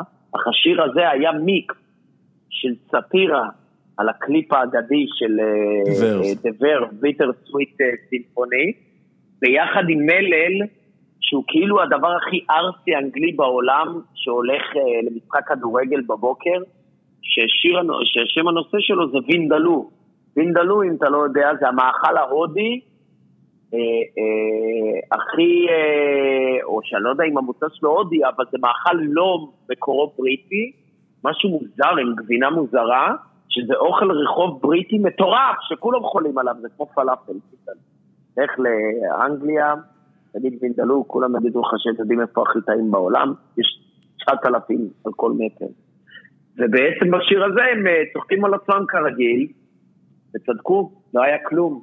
חצי גמר עפו ב-96, רבע גמר לדעתי אם לא לפני זה ב-98, אבל זה שיר פגז, ממש, מילים מצחיקות ועם הרבה מוטיבים משירי אוהדים. אז אה, שירה טובה, יואב קוטנר, עשיתי לך יואב קוטנר. בואנה, יואב קוטנר מצוין. אה, כן, לא רע, לא רע, ואפילו לא התכוננתי, שכחתי שזה מה שאנחנו עושים. ועשית לי חשק לווינדלו. שזה, וינדל, ש- אוי, אתה חייב... שזה לא, שזה. בסיס, זה בסיס קארי, כן. אגב, לפי דעתי זה בכלל איזה, זכרתי שזה אותי. לא, זה בסיס קארי, אבל לפי דעתי זה בכלל פורטוגזי או משהו כזה, זה כאילו משהו, שכאילו הפורטוגזים הביאו מהודו, משהו כזה. אה. ויש, אתם צריכים להיזהר, כי יש מה שנקרא shit in a tray merchants, שזה אה, לתרגום אה, חרא בתוך אה, חמגשית. שרה במגש. חרא. חמגשית, שיט אין טריי, וצריך להיזהר, אבל יש, כש... כשזה טוב, זה טוב מאוד. שמע, אני, אכלתי את זה, חייב להגיד לך שזה כמו האנגלים, זה טעם נרכש. בהתחלה אתה לא מבין את הקטע, ואחרי זה אתה לא יכול לעזוב. זה, כל... זה מגוע, כאילו, זה, זה, זה כביכול... אה, וואלה, מגוע. כן, כן, אבל איך, איך, אה, תראה, האוכל ואני לא הייתי באנגליה הרבה, הרבה זמן עכשיו, לפי דעתי התקופה הכי ארוכה, אומר. כן, בגלל הקורונה, תקופה הכי ארוכה אה, שלי ללא אנגליה. כי אתה, כן, אתה הדבר הכי בריטי שלא יצא מהאי. אני נולדתי מספיק קרוב למנדט, כמו שאומרים, אבל אה, ממש. אחד מהדברים שאני באמת אה, חולה עליהם, חולה עליהם בקטע לא בריא, זה לא בריא וזה לא טוב וזה לא, לא בסדר, לא, אסור לעשות את זה. ועוד לא המציאו חיסון לזה. כן, לאכול את ההמבורגרים אה, בקרוונים שליד המגרשי כדורגל טוב, טוב, טוב, של הליגות שאני- אני הנמוכות. רוצה להגיד לך משהו, אני רוצה להגיד לך משהו. אני מבין אותך, אבל אתה אומר את זה עם הסתייגות והתנצלות, כי אתה רגיל ליהום השר שהולך בישראל. אז כן, ערך תזונתי אין להמבורגרים ליד המגרשי כדורגל באנגליה, אין עזוב, להם. עזוב ערך תזונתי, זה זה ערך חמור. תזונתי שלילי, אבל, ו, וגם, בדיוק, כמו שבסין אמרו לי, don't eat the mystery meat. בשר שנראה ממש ממש טוב, שעולה ממש ממש זול, זה לא בשר, כמו שהוא בג'אדג' דרד, באיש הארץ, עם סלון, שהם אוכלים המבורגרים במערות. הוא אומר לו, that's a good burger, אז הוא אומר לו, have you seen any cows around? אז הוא אומר לו, לא, אז הוא אומר, because it's not a cow, ואז הוא יורק את זה. אז ככה, אבל having said that, אחד מהמאכלים הכי ממכרים שיש בכדור הארץ, עם הצ'יז וויז הזה, נכון? כן, לכל אה, כן. מאזיננו אה, שומרי המסורת. ו... ו... שגם הצ'יז וויז, אתה לא יודע אם זה גבינה או לא. לא, נראה זה לא גבינה. זה לא גבינה, זה לא גבינה, וזה גם לא בשר כל כך, זה איזה סוג של... מה, אולי. אולי, אולי, אולי מצאנו פרצה בהלכה, אולי זה המקום היחידי שאפשר לאכול בשר וחלב, כי זה לא בדיוק חלב ולא בדיוק בשר. זה, זה ביונד, זה ביונד מיט.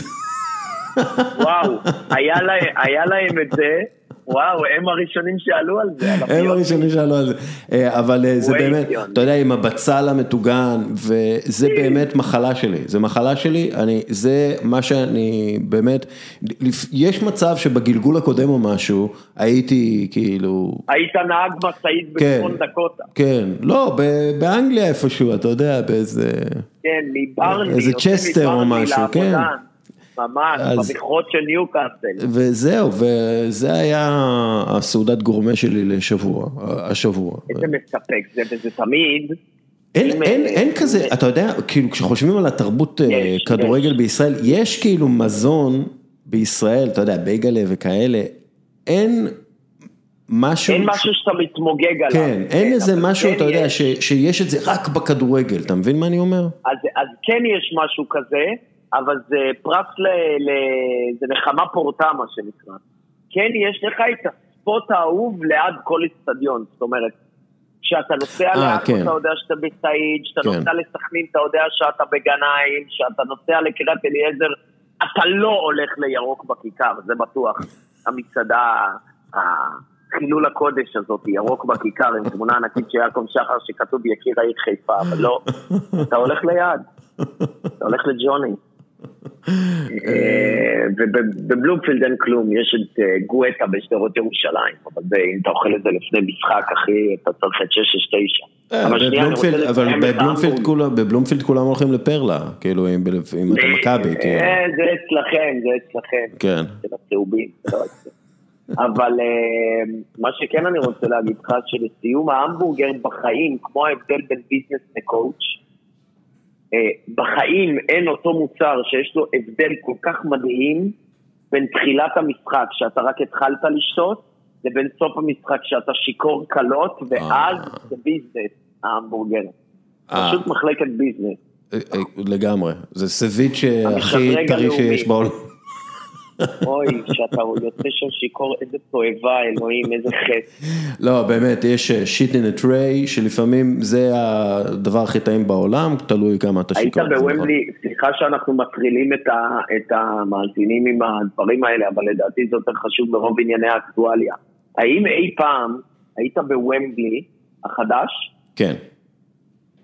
בוומבלי החדש, יש להם fish and chip, שלדעתי הם לוקחים בקלה שלמה, דג, ה-fish, ה-whole fish, מסכן, מה שהם מעבירים אותו שמה, אה, אה, אה, ויוצא לך כמו שוק בימי הביניים על מין צלחת שהיא הרבה יותר קטנה מהדג. אבל- פשוט אנשים מסתובבים עם... אבל זה טעים. על ה-fried. אבל זה טעים. מה זה טעים? נראה לי זה מבושל בהרואין מרוב שזה טעים. זה, זה טעים והאוכל במגרשים החדשים באנגליה הוא באמת טוב. באמרייטס יש אחת מהפיצות הכי טובות בלונדון, אני לא צוחק, באמת, פיצה טובה. אה, עד כדי כך? לגמרי, לגמרי, אני לא, אני לא בקטע של כאילו, אתה יודע, באמת, כן, להוציא את העיניים לאיצטדיון גרין בנצרת עילית. זה לא- זה לא הקטע. זה לא הקטע, אבל זה, זה זה לא באמת. כי למה להגיע למקום אם האוכל בו לא טוב, אתה מבין מה אני אומר? אז כאילו... מסכים איתך. אז זהו, אה, אתה, אתה שמה, אתה שמה תהיה חמש שעות, נגיד ארבע שעות, כן? אתה תהיה רעב, אז למה שתאכל משהו מגעיל?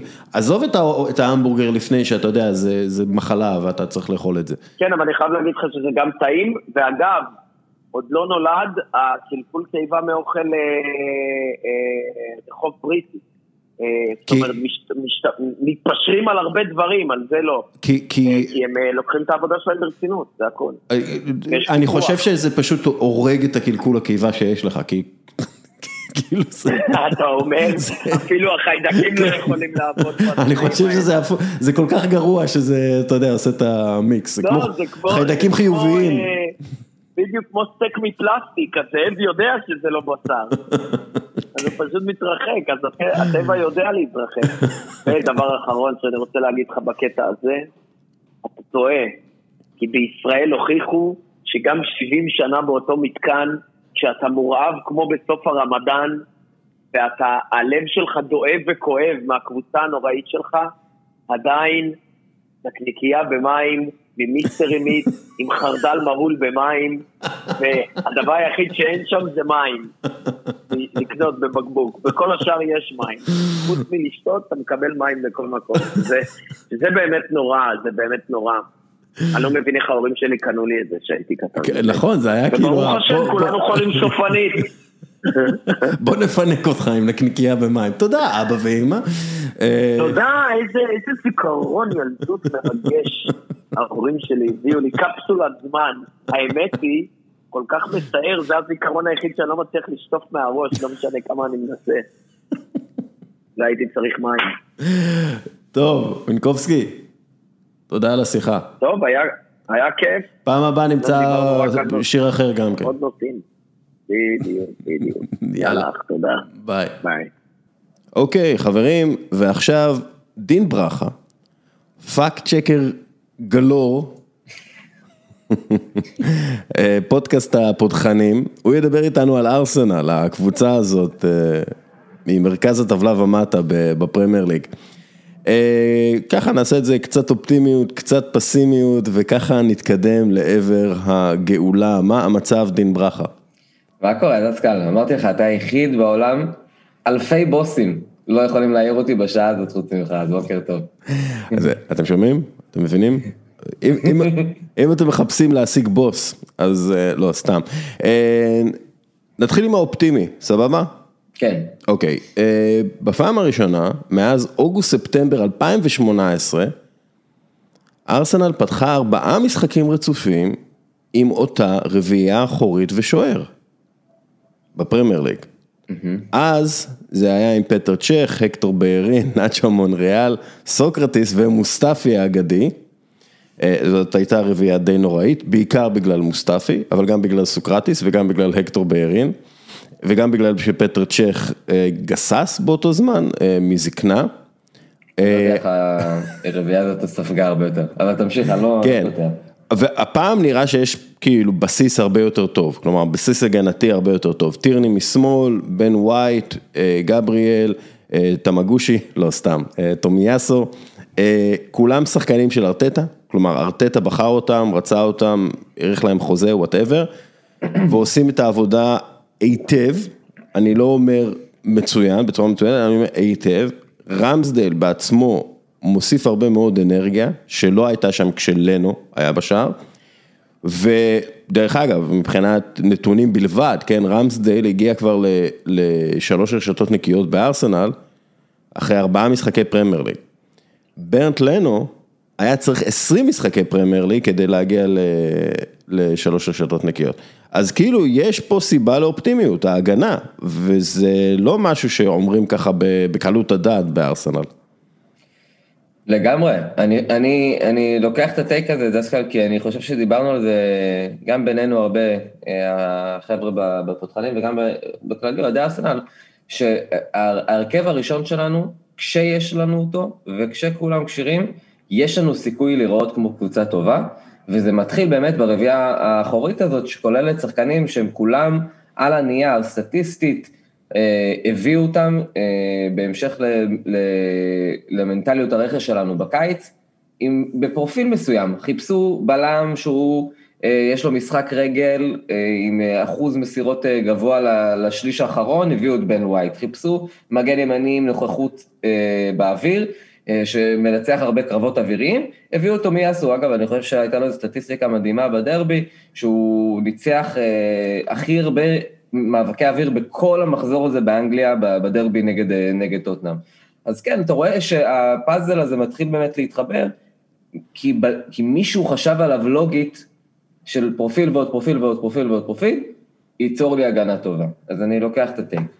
אה, זה טייק סבבה, כלומר זה אופטימי, אנחנו אופטימיים בקשר. אגב, אני חושב שכל העניין הזה שיש משחק בשבוע, ולא משחק, ליגת אירופה, קונפרנס ליג, whatever, עוד משחק, ליגת אירופה, כאילו, משחק כל שבוע זה בערך מה שבגיל הזה, בפרופיל של הגיל הזה, השחקנים צריכים כדי להתגבש ולהפוך לקבוצה. אז אני... גם מאוד מתאים למח... למחקרים שכתבת עליהם בחיים, דווקא לגבי פציעות, לא? כי אני חושב שארסנל תמיד, אתה יודע, קלאסי, ארסנל סובלת מפציעות, 800 אה, שחקנים פצועים אה, לאורך כל העונה.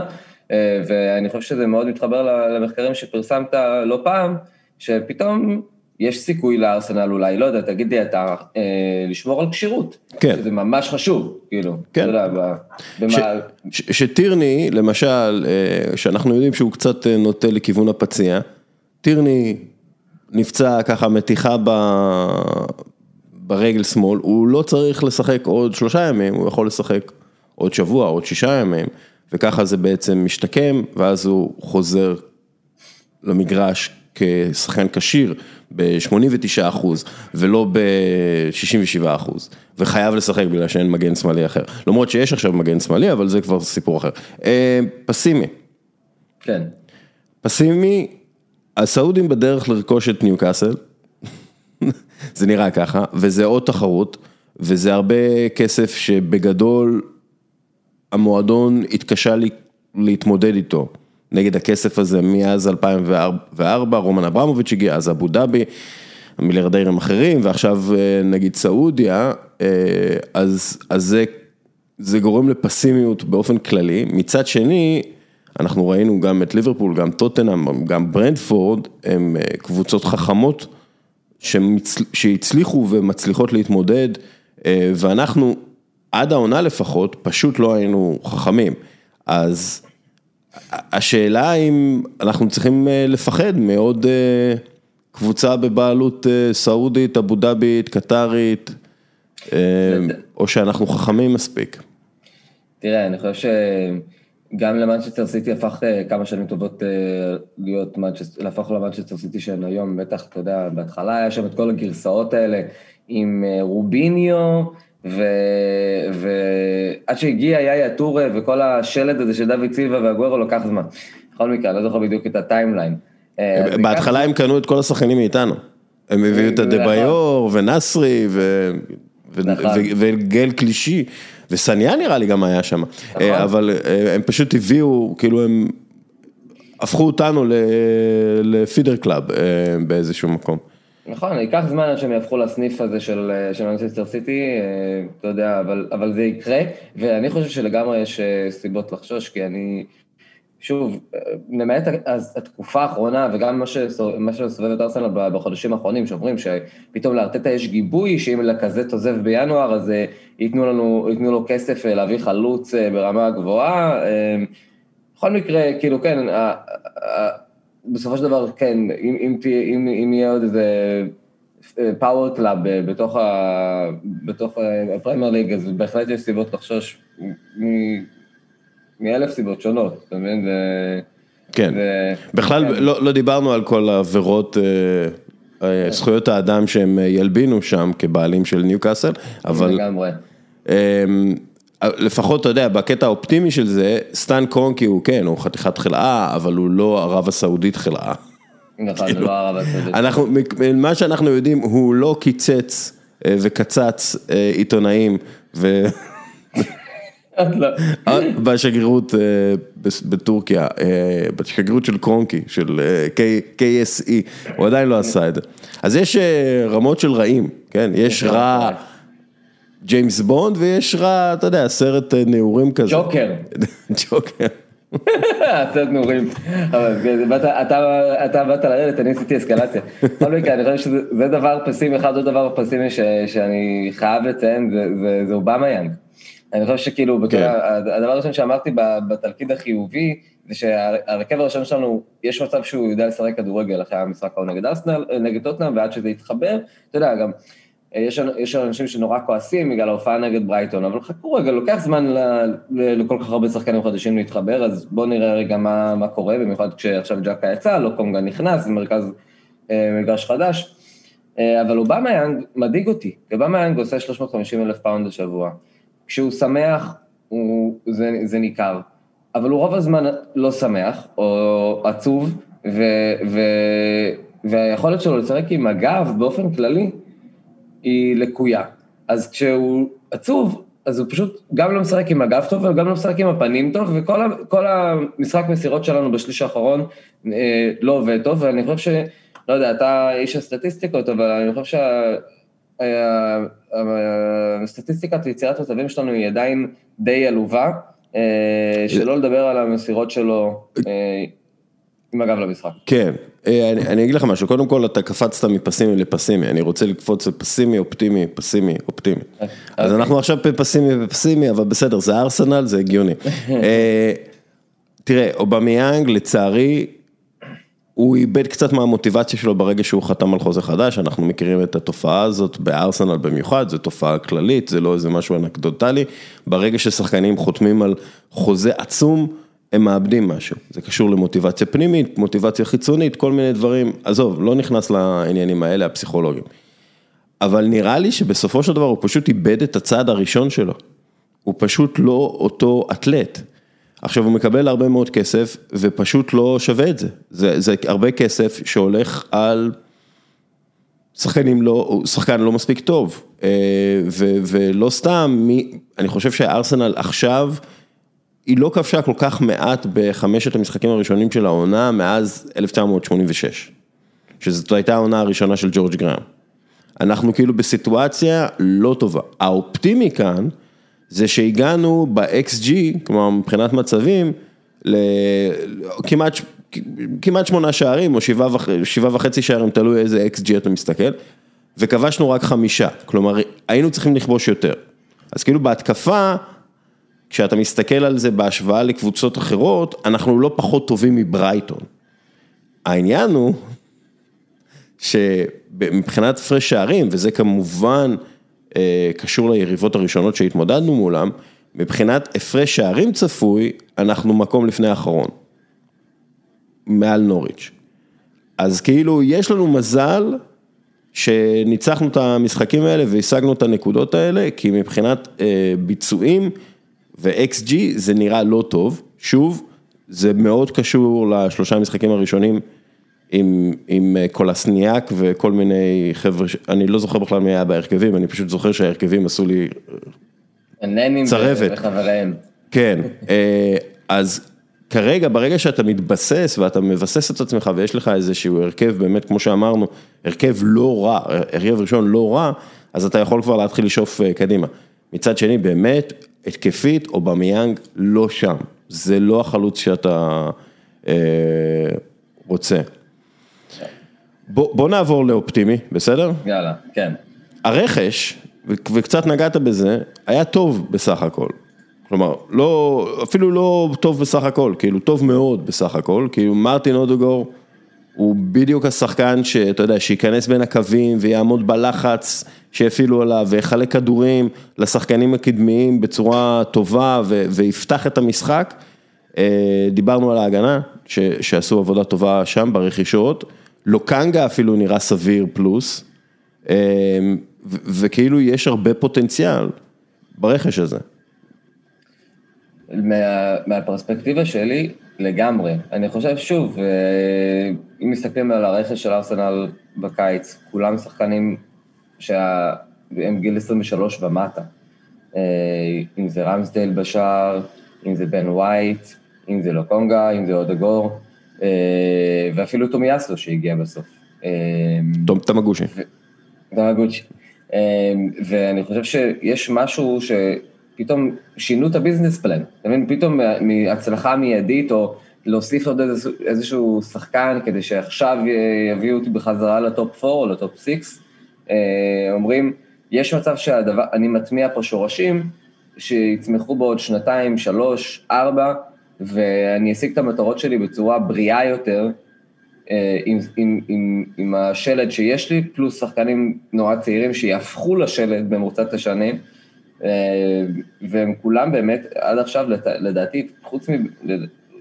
לטעמי האישי, חוץ מבן ווייט, כולם, כולם התחילו על הצד החיובי של את, את הקריירה שלהם בארסנל, באמת, כולם... כן, ובן ווייט, דרך אגב, שוב, אתה יודע, הוא נכנס, הוא היה בהרכב הראשון, ואז היה לו קורונה או משהו, אנחנו לא יודעים. ואז הוא... קורונה. כן, אז... ואז, אתה יודע, זה... זה מפריע. כן. אוקיי, אנחנו עכשיו היינו באופטימי, עכשיו בפסימי. יאללה. תומאס פרטי, נגד ברייטון, הוא הפסיד בעשרה מ-12 עימותים שהיו לו. עכשיו הוא גם בעט בערך 30 בעיטות לשער, ובערך 2 או 3 או 4 היו לו מסגרת. ויש את הפציעות, הוא כאילו כל הזמן נפצע. הוא בסך הכל אחרי שנה וקצת בארגון, אם אני לא טועה, הוא, לא, הוא עדיין לא הקשר שרצינו. וזה קצת מדאיג, כי הוא לא בפרופיל גיל שאתה אומר, אה אוקיי, שנייה, הוא הולך להשתפר מאוד עוד שנייה. כלומר, אתה הבאת שחקן כדי שיהיה הקשר המרכזי שלך, השחקן המרכזי שלך, והוא פשוט לא מספיק טוב. כן, תראה, קשה לי לתת... הטייק הפסימי העיקרי שלי לגבי תומאס פרטי זה זה שהפרטנר שלו זה ג'קה. וכן, יש את הפציעות, וכן היו לו משחקים לא טובים, אבל גם בהרבה משחקים אחרים הוא ראה בדיוק את האיכות הזו שחיפשו, הוא ראה שיש לו את זה ברגליים. אבל בגלל ש... בגלל כל הנס... דווקא מסביב הזה, שהפציעות, המשחקים האלה, שהוא, זה שהוא לא מצליח לתפוס כשירות ל-90 דקות, שזה גם בעיה שהיא נמשכת כבר הרבה זמן, רוב המשחקים שהוא שיחק, אתה רואה אותו עייף נורא בדקה 75, הוא כבר יורד מהמגרש בדקה הזו, והפרטנר שלו, הטבעי, זה שעכשיו ג'קה פצוע עד, עד ינואר, אז לוקום גם משחק, וכנראה ניילס ישחק, או לא יודע מה, אפילו, אני מקווה מאוד שלא אלני, אבל יכול להיות, זה תמיד קצת... אגב, גרנית ג'קה הוא השחקן ששיחק אצלך הכי הרבה מאז שהוא חתם. הוא השחקן שכן, השיעור הכי גבוה של משחקים, שזה די מסביר למה ארסנל איפה שהיא. כן, אתה מחפש, מי השחקן ששיחק הכי הרבה, מי העובד שהכי חרוץ כאן בחברה? אתה? או, אוקיי, עכשיו אני מבין. אז זהו, אבל כן, כאילו מרגיש לי שלצד לוקנגה, יכול מאוד להיות שהיינו צריכים קשר אחר. או מישהו אחר. מה, באיזה פרופיל נגיד? אני חושב...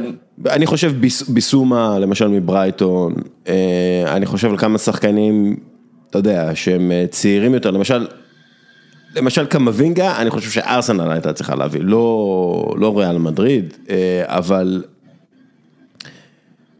אולי, אתה יודע, קמבינגה זה, זה פוטנציאל מאוד גדול, וכאילו גם אולי איזה סוג של הימור, אבל כאילו באמת, שחקן כמו ביסומה. מברייטון, עם מישהו עם ניסיון פרמייר ליג, מישהו שהוא גדול והוא חזק והוא גם טכני בטירוף. אם למשל היו מביאים את הבחור הנורבגי ההוא משפילד יונייטד. ברגר. ברגר, ברגר, כן. הייתי יכול להיות יותר רגוע. כן, אתה כי- אני מרגיש, אני מרגיש שה... פארטי או ב- או בתור הפרטנר של פארטי? בתור פרטנר פלוס מחליף, בגלל שפרטי פצוע הרבה פעמים. פצוע ו... אז כן. כאילו מישהו שהוא באמת עם ניסיון פרמייר ליג, מישהו ש... אמ, מה שנקרא, אימן את השיניים שלו על נגיסות בשחקני פרמייר ליג. אה, קמבינגה, אתה יודע, זה משהו אחר, הוא, הוא מביא פוטנציאל אחר עצום. אה, כאילו הייתי מעדיף אותו על לוקונגה, כן? אבל בסדר, יש את לוקונגה. פשוט צריך מישהו, שחקן פרמייר ליג אמיתי באמצע. קשר מסכים. אמיתי. אני אתה יודע מה, דסקל, אני אפילו פינטזתי כשדיברו בקיץ על, על לוקטלי. אה, אז רציתי שחקן כזה, כמו לוקטלי, אולי כמו קובצ'יץ' אה, של צ'לסי בפרופיל, אתה יודע, שחקנים שמסוגלים לעשות את מה שהם עושים על המגרש. אה, חלום אה, אה, כזה כמו וראטי, אבל אתה יודע, מש, מישהו כזה בארסנל, לדעתי חסר בתור השותף של פרטי.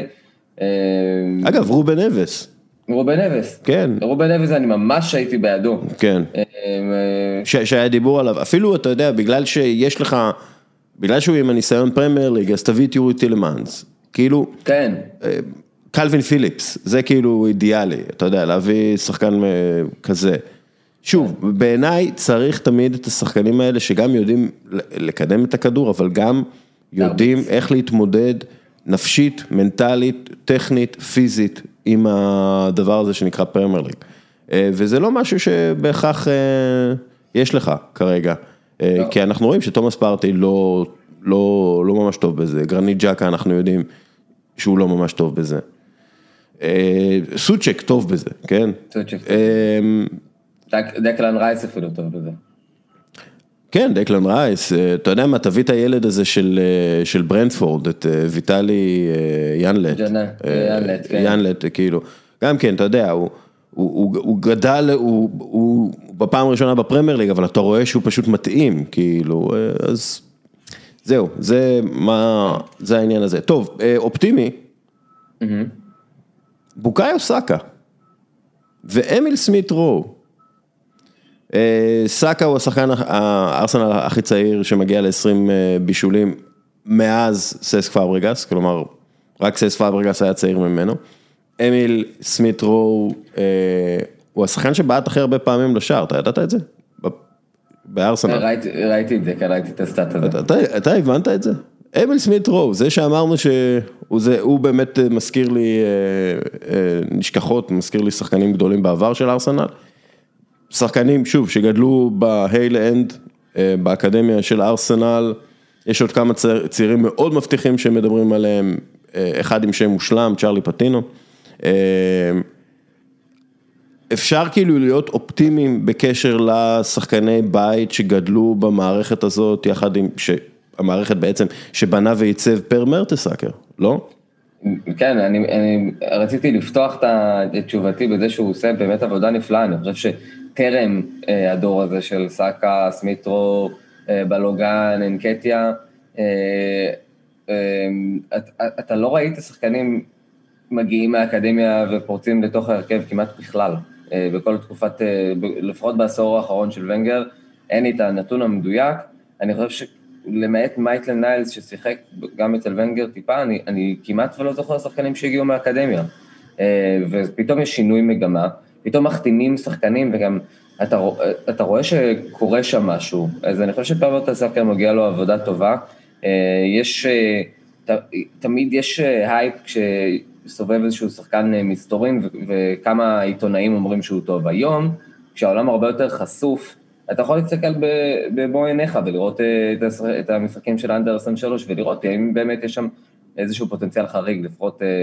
באמות המידה שלך. אה, וככה באמת מדברים על, אה, על מיגל עזיז, על צ'רלי פטינו, על אומרי אצ'ינסון.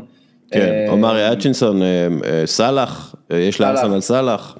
יש לנו גרסה שלנו לסאלח ועומר רקיק ו, ומולר החלוץ הגדול, ו- ועכשיו הביאו, בקיץ האחרון רכשו את מיקה, אני מקווה שאני מבטא את זה נכון, ביארס או ביארט, אה, משהו כן, כזה. משהו כזה, אני לא... ורט, אולי, לא יודע, נראה, נראה איך החליטו, והבן אדם אם מגיע עם איזה סטאט של אה, 20 שערים ב-20 הופעות, מתחיל אצלנו, כבר יש לו לדעתי 8-9 שערים, הקבוצה גם מנצחת הרבה אה, מתחילת העונה, לא יודע בדיוק באיזה מקום הם נמצאים, אבל... אה, כן, יש גם את ה...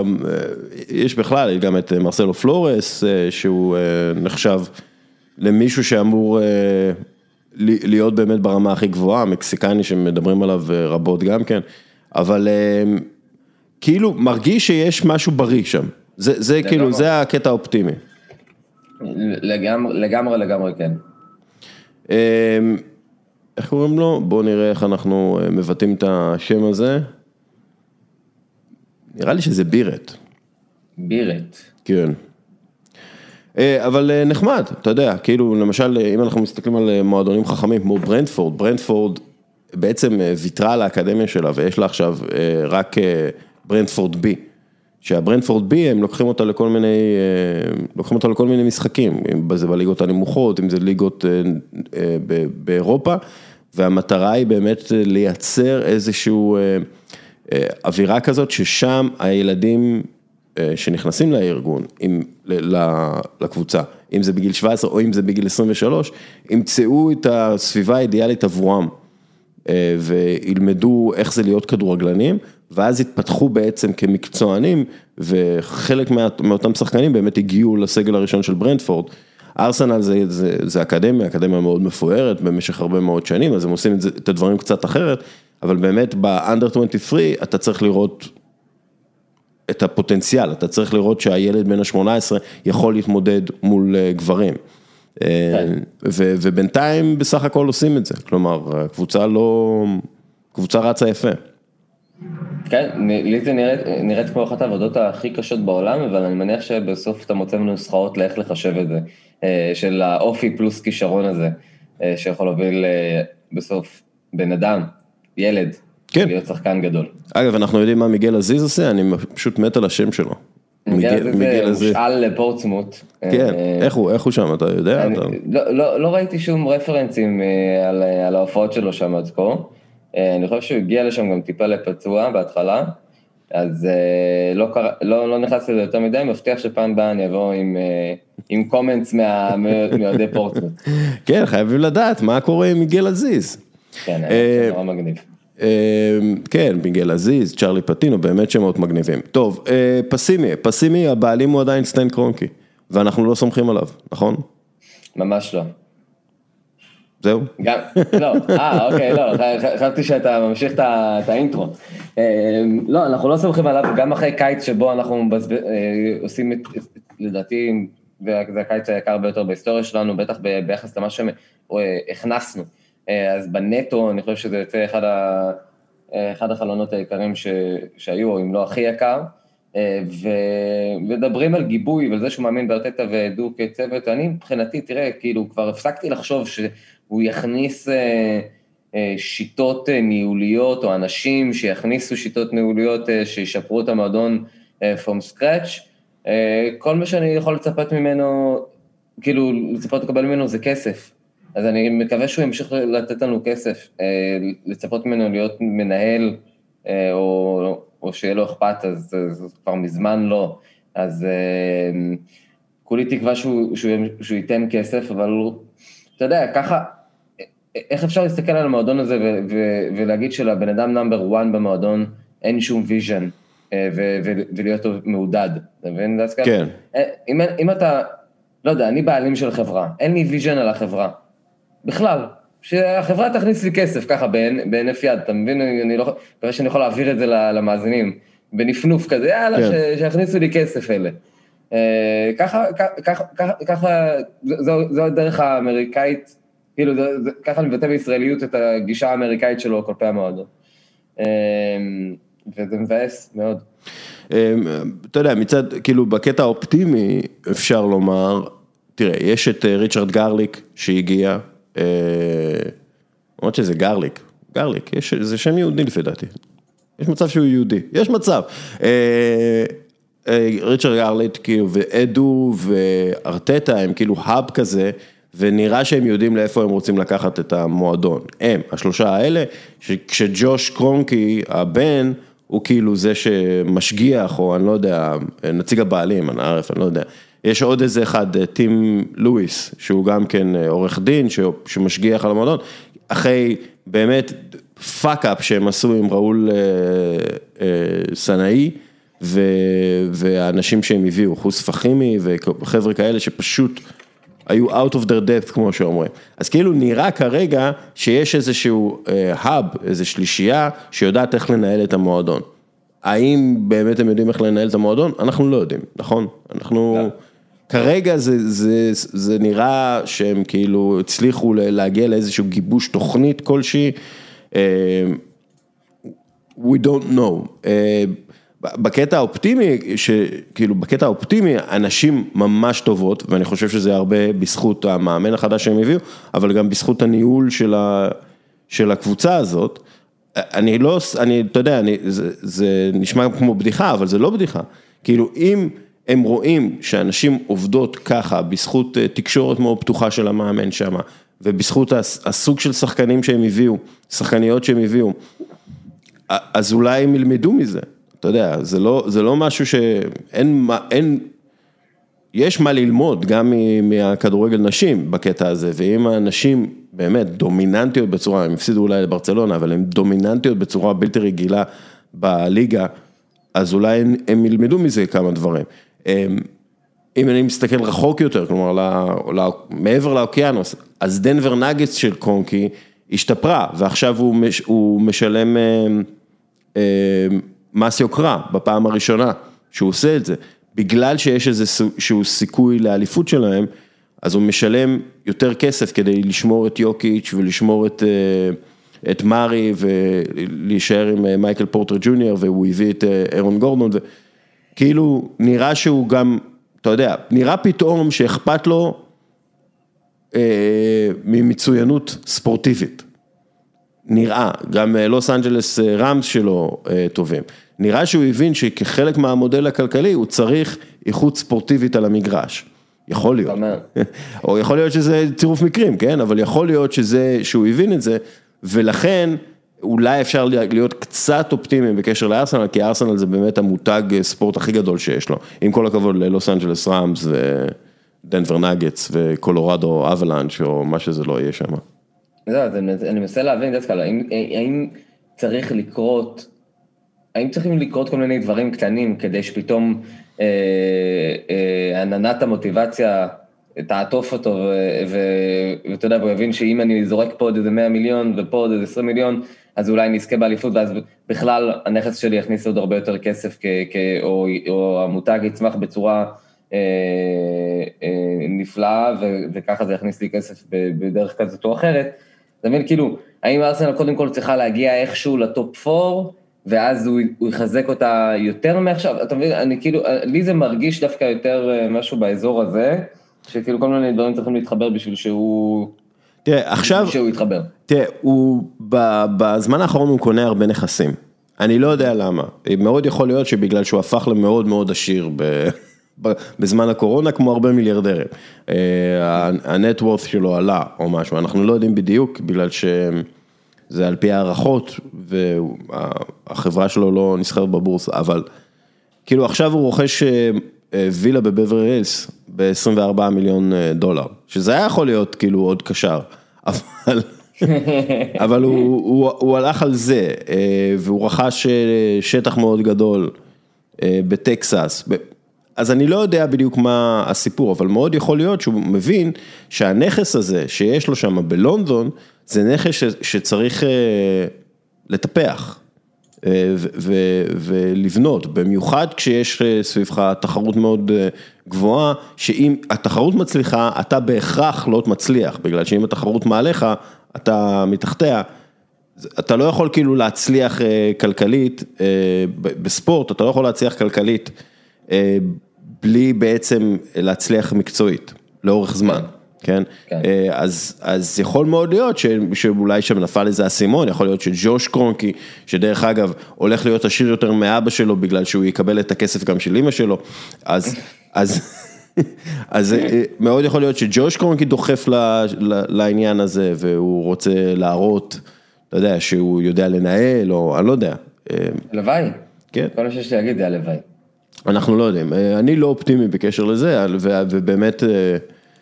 מדובר הרבה על דניאל אק שיגיע לרכוש וזה, אני לא יודע אם זה אפשרי כל כך, אבל הייתי מאוד שמח לראות אה, בעלות אחרת. כרגע זה מה יש. אה, אופטימי? אתה רוצה לסיים עם משהו אופטימי? לסיים עם משהו אופטימי. אמ, אני חושב שאת רוב הדברים האופטימיים שהיו לי לומר אמרתי, אבל אמ, תראה, אני אסיים עם אופטימי אה, כללי כזה, אני חושב שא', אה, שוב, הייתי, הייתי בדרבי אה, בשלוש אחת נגד טוטנאם, הייתי שם במגרש, ופתאום ראיתי איך כשדברים מתחברים לקבוצה, לקבוצה הזו, והטקטיקות שארטטה מנסה להנחיל עובדות, אנחנו מקבלים משחק שהוא באמת חריג בנוף הארסנלי בשנה וחצי האחרונות, ואני חושב שכן יש איזשהו אה, גיבוי אה, וכן מאמינים בארטטה מאוד אה, כדמות מקצועית במועדון, ו- ואני חושב שהוא יקבל את החלוץ שלו, הוא יקבל את השותף שפרטי, שפרטי צריך, וכנראה אחרי כמה תנועות פנימה והחוצה של כל מיני שחקנים, יש מצב שאנחנו נצליח להעמיד סגל ראוי ל top 6, top 4 בשנתיים הקרובות. אז הדבר האופטימי שלי זה זה שיש איזשהו פתאום connection בין, בין הבעלים למאמן, לטעמי, ככה זה, כמובן שאני לא יודע כלום, אבל זה, ככה, ככה זה נראה מהצד. ו... ואני חושב שהדבר הזה יוביל את ארסנל למסלול שבו היא רוצה להיות מוקדם מהצפוי, ו... ובניגוד לתחזיות השליליות תקשיב, אתה, אתה. אה, דין, אני מצטער להגיד לך, אבל אתה דוחה אותי עם האופטימיות הזאת. היא ממש, אני ממש קשה לי לשמוע אותה, כי, אתה יודע. כל כך קל, כל כך קל to, to, to be sucked in, זה נורא ואיום. אה, אז זה תפ- זה תפקידי. איך הוא אמר בגאדפאדר 3, חשבתי שיצאתי החוצה, they pulled me back in. אה, אני אה, לא אופטימי כמוך, אני עדיין חושב שיש הרבה מאוד גורמים בעייתיים מאוד בסגל, ברגע שאולי יעיפו את הגורמים האלה, גרנית צ'קה, אה, אז אולי יהיה טיפה יותר טוב, אני חושב שיש עדיין בעיות בסגל, אה, אני לא משוכנע שארטטה הוא האיש הנכון אחרי אה, שנה וחצי. וזה גם כן לא גורם לי לאופטימיות, אבל אתה יודע, אם אתה אופטימי אז יאללה. הפורום, בוא, בוא נדבר עליו קצת ואז אה, נסיים, כי הפורום, אה, תשמע, אה, גדל, הרבה דיונים, הרבה אנשים שמה. כמה אנשים יש כבר בפורום של אוהדי ארסנל? בפייסבוק. באזור- באזור החמשת אלפים, ששת אלפים אם אני לא טועה, לא הסתכלתי כבר תקופה, אבל כן, הפורום זה מקום מצוין, אני חושב שזה מקום מאוד נעים לאנשים שרוצים ללמוד איך לדון על כדורגל. אתה יודע מה, באמת, אז אני חושב שזה מקום טוב להבין איך להיכנס לדיוני כדורגל אה, מגובה ברעיונות משלך, או באופי שלך, או במה שהיית רוצה להציג. אה, והרבה קרדיט לך ולמנהלים האחרים שהפכו אותו לכזה. כן, האמת שאני אני יחסית מנהל חדש, אז אני, אני חושב שאת הקרדיט אפשר לתת אה, למנהלים הוותיקים כן. שם, שבאמת הנחילו שם תר, אה, תרבות דיון שהיא, שהיא כיפית, שהיא עמוקה, שאתה לא בא ואומר, אוקיי, זה שחקן חרא ושם נגמר הדיון, או מקלל את זה שחושב אחרת ממך. איזה סוג חרא הוא? הוא- בוא נדבר על זה. אתה מבין? יש שם משהו שבאמת מלמד אותך להיות, אה, להבין מה זה, מה זה שיח אה, על כדורגל. ואחרי זה איך, זה, איך זה כמובן מתקשר לארסנל, ואם זה קשור לדברים, שב, שעל, לדברים שקשורים על המגרש, או דברים שקשורים לדברים שקורים מחוץ למגרש, אז אה, זה מקום מאוד מאוד מאוד אה, נעים אה, ללמוד בו, וכמובן, לדון על כל מה שקשור אה, בארסנל, אז... אה, עבורי זה חלק ככה, אתה יודע, בלתי נפרד מהחיים. בהחלט. מצוין, דוד. אז תודה רבה לך. תודה שאירחת. אותי. אה, ויאללה, go, go gunners. come on you gunners. כמוני הגענו, לגמרי. יאללה, תודה. ביי, דסקל. ביי. אוקיי, עד כאן פרק 409, אני רוצה להודות לאריק זאבי, לניב נחליאלי, על השיחה. אני רוצה גם להודות לקבוצת ח'-י' על החסות לפרק, אני רוצה להודות לעידו מינקובסקי על השיחה שהייתה לנו, אני רוצה להודות לדין ברכה שהגיע ודיבר איתנו על הארסנל, ואני רוצה להודות לך, מאזין יקר שנשאר עד הסוף. יאללה, ביי.